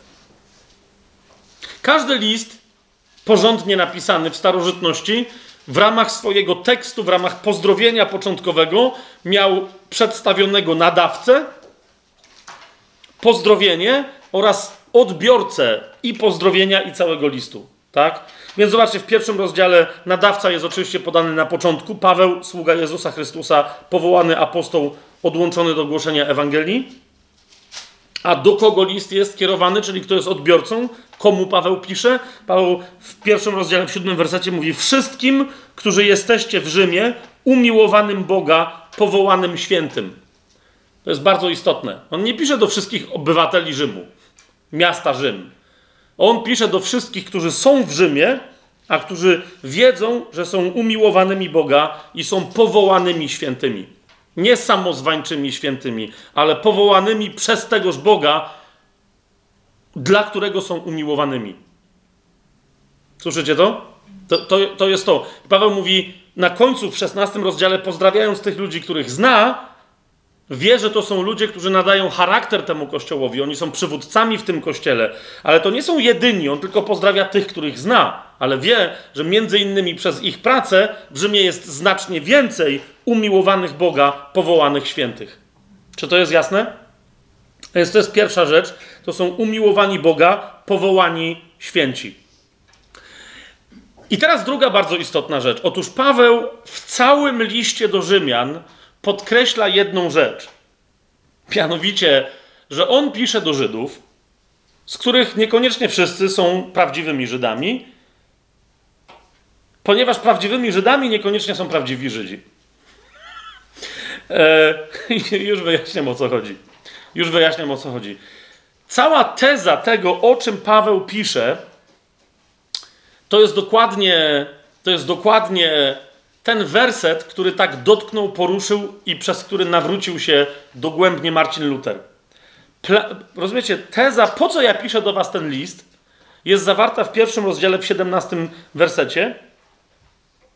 Mianowicie w 16 i w 17 wersecie Paweł mówi: Nie wstydzę się bowiem Ewangelii Chrystusa, a więc myślę, i to jest plan na cały ten list, tak? Tylko na razie nie mówię o planie, mówię do kogo Paweł pisze, tylko musimy sobie pewną rzecz wyjaśnić. To jest plan na cały list. Paweł mówi: Będę wam przedstawiać Ewangelię Chrystusa. Tak? Dlaczego? Ponieważ jest ona mocą Boga ku zbawieniu dla każdego, kto uwierzy. No dokładnie tutaj jest, jeszcze będziemy sobie tłumaczyć to znanie. Najpierw Żyda, potem Y. A więc jemu mówi, a, a, więc on mówi tych, którzy pochodzą spod Mojżesza, z obrzezania, ale też wszystkich, którzy pochodzą z nieobrzezania, bo w liście do, do Rzymian ten Grek to jest po prostu każdy inny, każdy nieżyd. Tak? A więc mówi, yy, będę mówić o Ewangelii Chrystusa, ponieważ jest ona mocą Boga ku zbawieniu dla każdego, kto uwierzy, najpierw Żyda, potem i Greka. W niej bowiem, w tej Ewangelii, objawia się sprawiedliwość Boga z wiary w wiarę, jak jest napisane, sprawiedliwy będzie żyć będzie żył z wiary. Otóż, kochani, Paweł tu mówi, i, I, już tu zaznacza, że on wie, że w Rzymie jest mnóstwo ludzi, którzy pochodzą z obrzezania, których po prostu nazywa Żydami. Tak? Ale też, że w tym kościele, który zasadniczo, jak już to dzisiaj mówiliśmy, on uważa jednak za pogański, jest mnóstwo nieżydów. Tak? Więc on mówi, Jedną z, z, rzeczy, którą powiem w tym liście, to jest, że Ewangelia tworzy nowy rodzaj człowieka, ale nie zrobi tego tak, e, jak to mówi do innych, tylko, e, bo, bo wiecie, w innych miejscach Paweł mówi o nowym stworzeniu. Tak? Że nieważne, byłeś Żydem, byłeś Grekiem, byłeś niewolnikiem, byłeś wolny, byłeś scytą, byłeś barbarzyńcą. Nie, nieważne. Mówi, jesteś teraz nowym stworzeniem. Natomiast w liście do Rzymian, gdzie on wie, że pisze do ludzi wiecie, mieszkających i, i, doświadczających kultury samego centrum największego mocarstwa, jakie do tamtego czasu świat widział, czyli mieszkających w Rzymie, więc nieważne czy Żydów, czy nie, oni wszyscy są przeniknięci pewnego rodzaju mocarstwowością, tak? Chcą być lepsi. Zresztą e, bardzo szybko Paweł w tym liście, dzisiaj o tym nie będziemy mówić, ale bardzo szybko Paweł w tym liście mówi: Wiem, że się kłócicie. Żydzi osądzają nie Żydów, że nie Żydzi walą Żydom po głowie, że i do końca prawie tego listu, do, do 9, 10, 11 rozdziału, Paweł cały, pamiętacie jak tam mówi e, do Żydów, żeby się nie pysznili, a potem mówi do pogan, mówi wy się też nie pysznijcie, bo jesteście wszczepieni w oryginalne drzewo. Pamiętacie to? Cały czas ten, ten, ten wątek idzie i się przenika w liście do Rzymian. Ale Paweł zamiast im mówić, chociaż też o tym wspomina, o nowym stworzeniu, on mówi o tym, że nowe stworzenie, to jest bardzo interesujące, jest prawdziwym Żydem. Mianowicie, i, i, bardzo szybko pokazuje, y, podnosi ten wniosek. To jest drugi rozdział listu do Rzymian, 28 i 29 werset. Jak on mówi, te wasze wszystkie kłótnie, ci mówią, że są Żydami i oni będą usprawiedliwieni przez prawo, tamci nie i oni coś. Y, cały drugi rozdział o tym mówi, o tym starciu w Rzymie między Żydami i nieżydami. Tak? W innych miejscach Paweł widzi wyraźnie, że Żydzi nawracającym się ludziom narzucają pewne rzeczy, na przykład Galacjanom, pamiętacie, tak? I on mówi, a oni was gnębią prawem. Ale w tym jednym miejscu w Rzymie on, Paweł widział, słyszał, bo jeszcze nie widział, dochodziły do niego słuchy, że, że to jest dziwne miejsce, w którym nie Żydzi nie boją się Żydów. A, a wręcz próbują czym innym tam się podnosić. I wtedy Żydzi się też podnoszą. I, ten, i on mówi, e, uspokójcie się, uspokójcie się. I mówi te sławne, mocne słowa, których też wciąż nam, myślę, za mało jest ich w Kościele. Drugi rozdział listu do Rzymian, 28-29 werset, mówi taką rzecz. Nie ten bowiem jest Żydem, kto jest Żydem na zewnątrz, ani nie to jest obrzezaniem, co jest na zewnątrz, na ciele. Mówi, to nie o to obrzezanie chodzi, o, o, o które chodziło od Abrahama. Ale ten jest Żydem, 29 werset, kto jest nim wewnątrz. I to jest obrzezanie, co jest obrzezaniem serca, w duchu, nie w literze, którego chwała nie pochodzi od ludzi, lecz od Boga. Ten, którego chwała nie pochodzi od ludzi, ale od Boga, ten jest prawdziwym Żydem. Ten, kto jest Żydem w duchu, ten jest prawdziwym Żydem. A kto jest Żydem w duchu? Ten, kto ma obrzezane serce, a nie inną część ciała. Tak? Jest obrzezany duchowo. I teraz cała reszta tego listu mówi o tym, jak obrzezuje się serce. Znaczy nie cała reszta, tylko następne rozdziały. Trzeci, czwarty, piąty, szósty, bo potem są jeszcze inne tematy. Tak? A więc cała koncepcja usprawiedliwienia z wiary, chrztu wodnego, co się tam dzieje i tak dalej, to jest droga obrzezania serca, o której Paweł mówi, na tej drodze staniesz się prawdziwym Żydem. I dlatego, jak Paweł jeszcze raz, zobaczcie pierwszy rozdział, 17, 16 werset, mówi, że Ewangelia Chrystusa jest mocą Boga ku zbawieniu dla każdego, kto uwierzy. Od tego się zaczyna obrzezanie serca, od tego, że się wierzy. Potem Paweł mówi, w co się wierzy, komu się wierzy, dlaczego, ale mówi, to jest to. I nieważne, czy to jest Żyd, czy to jest Grek. Mówi, tak, najpierw dla Żyda. Ewidentnie Paweł pije, przypuszczam, do tego, że najpierw w Rzymie z tą dobrą nowiną o Chrystusie, jak Sveton już powie Chrystosie, że najpierw wypłynęli Żydzi. Więc mówi, dobra, może najpierw u was byli Żydzi. Ale to nie ma żadnego znaczenia, bo jeżeli Grek poganin dowie się później, a pozwoli sobie na to samo obrzezanie serca, to nie ma między nimi różnicy. Ponieważ jeden jest usprawiedliwiony i drugi jest usprawiedliwiony w, w sercu z tej samej wiary, w tym samym Duchu Świętym. Amen? A więc jeszcze raz, jeszcze raz. Paweł pisze do Rzymu, do kościołów w Rzymie, do jednego kościoła, który znajduje się w Rzymie, tak? Porozmieszczany po domach, w Rzymie, ale też, który ma jedność, bo ci ludzie się znają między sobą. Paweł pisze tam do tego kościoła przez sieć swoich współpracowników, opierając się na znajomości tych ludzi, z którymi wcześniej głosił, przypuszczając, że nie musi zupełnie wszystkiego tłumaczyć, bo ten list nie tyle jest jego tłumaczący, co raczej porządkujący. Rozumiecie o co mi chodzi? On jest porządkujący. E, ponieważ chce, zanim jeszcze tam przybędzie, położyć podwaliny dla tego ich głoszenia. Okay? Tym wszystkim ludziom, którzy go znali, on wie, że ma tam na miejscu Pryskę i Akwilę, którzy nie potrzebują jego listu, żeby pewne rzeczy uporządkować. Tak? Ale ewidentnie, ewidentnie ci, którzy siedzą w Rzymie, znają autorytet Pawła. Rozumiecie o co mi chodzi? Nie, nie znają in, przez tych ludzi znają autorytet Pawła. I Paweł porządkuje im tematy, z którymi oni tam się zmagają, tematy, w których wzrastają. Po co? Po to, żeby nie dali się zwieść, gdyby czasem przyszli inni, nie od niego, głosząc fałszywą Ewangelię. Zobaczcie w 16 rozdziale, yy, jak już pozdrawia tych wszystkich swoich ludzi, których zna, i których może znać, tak? Bo o nich słyszał, oni niekoniecznie ich zna, ale oni wiedzą o sobie, jak pozdrawia te kościoły tam w poszczególnych domach.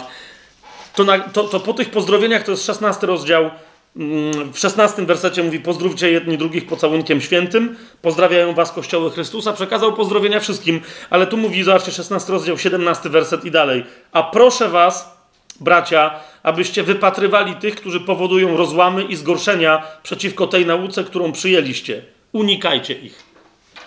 Tak? Paweł mówi, jaką naukę przyjęliście? No, tą, którą, i, którą ja głoszę, o, o której w tej liście celowo mówiłem i ją uporządkowałem dla was. Wiedząc, że przyjdą tacy, jeżeli wy macie, nie, nie macie dogłębnego poznania tego, czym jest usprawiedliwienie z wiary, na czym polega ofiara y, Chrystusa na krzyżu, jaka jest moc Jego zmartwychwstania, czym, czym jest chrzest wodny i tak dalej, i tak dalej, to, no to mówi, to przyjdą tacy i powiedzą, dobra, my się z tym zgadzamy, ale i zaczną y, szukać dziury w całym i zaczną robić dziurę w całym, której nie ma w całym. Tak? Więc on mówi, takich wypatrujcie, po to do was napisałem. 18 werset, gdyż tacy nie służą naszemu Panu Jezusowi Chrystusowi, ale własnemu brzuchowi, a przez gładkie słowa i pochlebstwo zwodzą serca prostych ludzi. Wasze posłuszeństwo bowiem stało się znane wszystkim. A zatem Paweł pisze do chrześcijan, którzy już wie, że mają na miejscu dobrych nauczycieli, ale pisze ten list do ludzi, którzy są nawróceni, aby im uporządkować ich doświadczenie wiary, aby im uporządkować ich wiedzę na temat tego, w co wierzą. Yy, i, i, którą wyciągają z pism, bo, bo, bo Paweł bardzo wiele cytuje y, Starego Przymierza w liście do Rzymian, a żeby im pokazać, jak się czyta y, Stare Przymierze w duchu, żeby z niego jeszcze więcej wyciągnąć, niż oni byli do tej pory w stanie wyciągnąć. Dzisiaj, dzisiaj to jest tyle. Ponieważ gdybyśmy mieli zacząć jakikolwiek następny temat, to wtedy mamy 5 czy 6 godzin. Więc, więc dziś jest tyle. Odpowiedzieliśmy sobie na, na te wszystkie pytania. Chciałbym, widzicie, mam takie wrażenie, że większość z nas, jak tutaj siedzimy, nie wiem czy wszyscy, ale większość z nas, e, jesteśmy trochę takimi Rzymianami. Tak? Znamy, wiecie, ludzi, którzy nam głosili, mamy sporo wiedzy biblijnej, a, ale wciąż ten list, niezależnie od komentarzy, miliona komentarzy, które zewsząd mogłyby nas atakować, ten list wciąż jest na tyle klarowny, żeby stanowił podstawę naszych wielu innych rozważań. Tak? Ten list jest, jest, jest na tyle mocny, począwszy dosłownie od zaraz, jak Paweł w 17 wersecie mówi, po co, po co go pisze. Swoją drogą ten 16-17 werset, jak przeczytacie, e, to jest dosłownie plan plan tego listu, tak? No już miałem skończyć, ale tylko wam zwrócę uwagę. E, jeżeli sobie weźmiecie słowa kluczowe z, e, z 16 i z 17 wersetu i prześledzicie te słowa, po prostu poczytacie list do Rzymian, szukając tylko i wyłącznie informacji na temat tych słów to będziecie mieli parę konkretnych lektur tego listu, które zupełnie, wiecie, oświetlą ten list w kolejnych barwach. Tak? Zobaczcie pierwszy rozdział, 16 werset. Po pier pierwszym tym słowem, o którym Paweł mówi, jest Ewangelia, czyli dobra nowina. Tak? Niektórzy ludzie mówią, no ale co to jest dokładnie dobra no, Ja już pomijam, że się jestem zdziwiony, jak czasem wiecie, ktoś mówi, że jest biblijnie wierzącym chrześcijaninem, a nie wie, jak komuś przekazać w 5 minut dobrą nowinę no jak ona brzmi? To jest list do Rzymian. Tak? Naj, najważniejszy, po prostu list do Rzymian, to trzeci rozdział, piąty rozdział listu do Rzymian. Z, zobaczcie, to, to, to, po prostu wszystko się zaczyna od usprawiedliwienia z wiary. Tak? Na czym polega zła nowina? Ona już zaraz tutaj, po tych wersetach, już w pierwszym rozdziale jest przedstawiona. Na czym polega zła nowina o gniewie Bożym i na czym polega dobra nowina, którą jest nowina o sprawiedliwości Bożej. Tak? Więc, więc, pierwsza rzecz to jest dobra nowina, ale prześledźcie sobie tę dobrą nowinę, włącznie z tym, co jest dobrą nowiną dla Pogan, co w pewnym momencie jest dobrą nowiną dla Żydów, na, nawet kiedy jeszcze nie wierzą w Chrystusa i tak dalej. To jest pierwszy wyraz. To jest, to jest Ewangelia, czyli dobra nowina. Drugi wyraz to jest Chrystus, czyli Mesjasz. Oczywiście, że dobra nowina jest dobrą nowiną o Mesjaszu, którym jest Jezus. Ok, to jest dobra nowina, że Jezus jest Chrystusem, czyli że Jezus jest Mesjaszem oraz że Mesjasz to Jezus z Nazaretu. Tak, a więc że Chrystus jest Jezusem. Chrystus. Następna, y, y, następne słowo to jest moc Boga. Fraza, tak? Ale chodzi mi o moc bardzo dużo o, na temat objawiania się mocy Boga w tym liście yy, Paweł mówi, pokazuje, co wynika z mocy Bożej. Tak? Następny wyraz to jest zbawienie. I właśnie w liście do Rzymian, jeżeli ktoś nie zna dokładnie listu do Rzymian, w tym kontekście i w tym, w, tylko w kontekście tego jednego wyrazu, to, to stąd później między innymi jakieś niedouczone rozważania na temat pewności czy niepewności wiary się pojawiają. Tak? To jeżeli ktoś zna tylko list do Rzymian, widzi, że w liście do Rzymian jest jakieś zbawienie, które już się dokonało, jest jakiś rodzaj zbawienia, które się dokonuje i jest jakiś rodzaj zbawienia, to jest to samo zbawienie, ale jakaś inna jego część, która jeszcze jest do wykonania. W samym tylko liście do Rzymian tę dynamikę widać. Okay? Ja dzisiaj nie będę mówił o, o co chodzi, ale to, jak ktoś nie wie, że coś takiego w liście do Rzymian jest, to sobie potrzebuje poczytać list do Rzymian, patrząc tylko i wyłącznie na to, co Paweł mówi na temat zbawienia. Dalej, e, mm, no jest wyraz y, dla każdego, kto uwierzy, y, ale jest tu sporo na temat Żydów i na temat Greków, na temat y, tych, którzy są z obrzezania i z nieobrzezania, to są następne wyrazy. Niemniej, jedna z jedno z najważ, jeden z najważniejszych wyrazów, zauważcie w 17 wersecie, ile razy on się w ogóle pojawia w takim krótkim wersecie. To jest wyraz wiara. On się oczywiście wcześniej już pojawia kontekstualnie w 16 wersecie, czyli że dobra nowina jest dla każdego, kto uwierzy. To raczej jest powiedziane dla każdego, kto ufa, kto wierzy, kto jest w ciągłym e, charakterze ten wyraz występuje, tak? Ale każdego, kto wierzy. Ale w 17 wersecie ten wyraz pojawia się, popatrzcie, w niej bowiem, w tej Ewangelii, objawia się sprawiedliwość Boga z wiary w wiarę. Jak jest napisane, sprawiedliwy będzie żył z wiary. Kolejna rzecz, zauważcie, już w tym wersecie, już w tym wersecie więc słowo wiara jest słowem kluczowym, podobnie jak słowo sprawiedliwość, ale one są ze sobą powiązane, jest słowem kluczowym dla listu do Rzymian. I znowu, lektura tylko i wyłącznie listu do Rzymian w poszukiwaniu słowa wiara, wierzyć, uwierzyć, być wierzącym. Tak? Przez cały list do Rzymian. Niemniej chcę Wam zwrócić uwagę na jedną rzecz. Hmm? Mianowicie, żeby nawet kiedy, kiedy, kiedy podejmujecie taką lekturę, żebyście patrzyli uważnie, co się dzieje. Hmm? Nawet w tym 17 wersecie, spójrzcie, e, w dobrej nowinie objawia się sprawiedliwość Boga jak? Z wiary w wiarę. To jest rozważanie samego tego, samej tej frazy w tym kontekście i na tle całego listu do Rzymian jest podstawowe. Uczulam was, jak będziecie czytać list do Rzymian, czytajcie, kiedy jest mowa o Twojej wierze, a kiedy jest mowa o wierze Boga. I wtedy jest pytanie, w co, czy w kogo Bóg wierzy? Kiedy jest mowa o wierze Jezusa. Bo tu ewidentnie widać, ale potem te, ta myśl się rozwija, jak Twoja i moja wiara pochodzi z wiary Boga. Hmm? Oczywiście niektórzy w związku z tym, bo im się problem tworzy jakiś ciężki w głowie, zamieniają wtedy ten wyraz na wyraz wierność. Bo pistis można też, też i tak przetłumaczyć jako wierność, czy jako ufność. No ale nadal, ok? Sprawiedliwy z wierności żyć będzie, niech będzie. Ale to jest wierność, która pochodzi z wierności Boga, to, który jest źródłem. Co się dzieje? Jak wygląda ta dynamika? Bez zrozumienia tych rzeczy nie da się pogodzić pewnych obowiązków wynikających z nowonarodzenia i bycia chrześcijaninem z absolutną wolnością i darmowością łaski. To jest kolejna rzecz, że ludzie, wiecie, popadają w jakieś koncepcje tak zwanej hiperłaski, inni popadają w legalizm, bo nie wiedzą, myślą, że się nie da tego połączyć. A list do Rzymian daje podstawę do zrozumienia, że wolność, jaka jest w Chrystusie, darmowość łaski, one nie przeczą następnie naszym wysiłkom.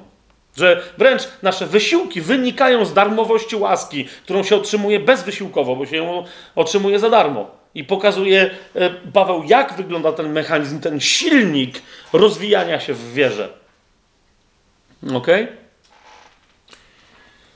I, i jeszcze jedna rzecz. E, ta, ta fraza, wszyscy, wiecie, ona jest tak mocna, przez Lutra tak utwierdzona w nauczaniu, że po pierwsze znam osoby, które, które nigdy nie zauważyły, że fraza sprawiedliwy z wiary żyć będzie nie jest frazą Pawła, tylko ona jest cytatem z konkretnego proroka w Starym Przymierzu. E, kolejna rzecz, to nie jest fraza, która się pojawia wszędzie w Nowym Testamencie, ale ona się pojawia zasadniczo w myśli Pawłowej. To jest jeden z powodów, kochani, dla których uważam, e, że bezsprzecznie, bezsprzecznie list do Hebrajczyków jest listem Pawła. Jest pewien rodzaj krytyki i niektórzy już dzisiaj mówią, że no autor listu do Hebrajczyków, bo nie wiemy, kto to napisał. Ok? Tylko Paweł wychodzi z tej frazy i na niej buduje ca całą resztę powiązań biblijnych w liście do Rzymian. I to jest bezsprzecznie Paweł. Bezsprzecznie Paweł w konkretnym, określonym konflikcie posługuje się teologią tej frazy yy, w problemie Galacjan. W liście do Galacjan się pojawia dokładnie ten fragment: Sprawiedliwy z wiary żyć będzie. I potem list do Hebrajczyków, on, to jest trzecie miejsce, w którym się rozwija dalsza część teologii Pawła. Rozumiecie o co mi chodzi? Więc logicznie list do Hebrajczyków jest, jak się zna list do Rzymian i list do Galacjan, musi być autorstwa Pawła. Ale jak już o tym gadam, miałem skończyć, no okej, ale jak już o tym gadam, to, to się teraz przypomniało. Wiecie, że istnieje, albo o tym mówiliśmy, mi się teraz przypomniało, że istnieje pewna grupa badaczy biblijnych, nie, wcale nie głupich, naprawdę ja się z nimi nie zgadzam, ale, ale wydaje mi się to interesujące, którzy zbadawszy dokładnie postać Pryski i Akwili, doszli do wniosku, że jeżeli nie Paweł miałby być autorem listu do Hebrajczyków, to wiecie kto? Pryscylla. Oni uznali, że z tych wszystkich ludzi, którzy mogli cokolwiek wiedzieć i jednocześnie na pewne rzeczy sobie pozwolić, e, jest parę takich osób. Taka jest teza, że jest parę takich, nie tylko Pryscylla, tak? Ale jest tylko parę takich osób, które mogły, wiecie, nauczanie Pawła skompilować i powtórzyć prawie jak on. I teraz teza jest taka: z tych osób to byli sami faceci i tylko jedna kobieta. I dlatego w tym liście nie ma wyraźnie naznaczone, zaznaczone, kto jest jego autorem. Mówią, więc prawdopodobnie to jest Pryscylla, no bo była kobietą i po prostu ktoś uznał, wiesz co, ale nie podpisuj się, no nie, bo, bo może ktoś nie uzna, że to jest aż takie mądre. Taka jest koncepcja. Teraz chodzi mi o to, że ja się z tym nie zgadzam. Jeszcze jest więcej powodów, dla, dla których się z tym nie zgadzam, ale jeszcze raz y, to ładnie pokazuje tę postać, o której dzisiaj mówiliśmy, Pryscylli. Rozumiecie? Jako, jako nauczycielki Słowa Bożego, która swobodnie, uczywszy się, ucząc się i nauczywszy się od Pawła, czego się miała nauczyć, była w stanie później e, w myśli, wiecie, wielu znających dobrze Pismo Święte ludzi, była w stanie dorównać Pawłowi pod mocą Ducha Świętego, podobnie jak on e, głosić. Jeszcze raz, nie sądzę, żeby to tak miało wyglądać, bo jest jeszcze parę innych dowodów, że to jednak Paweł napisał.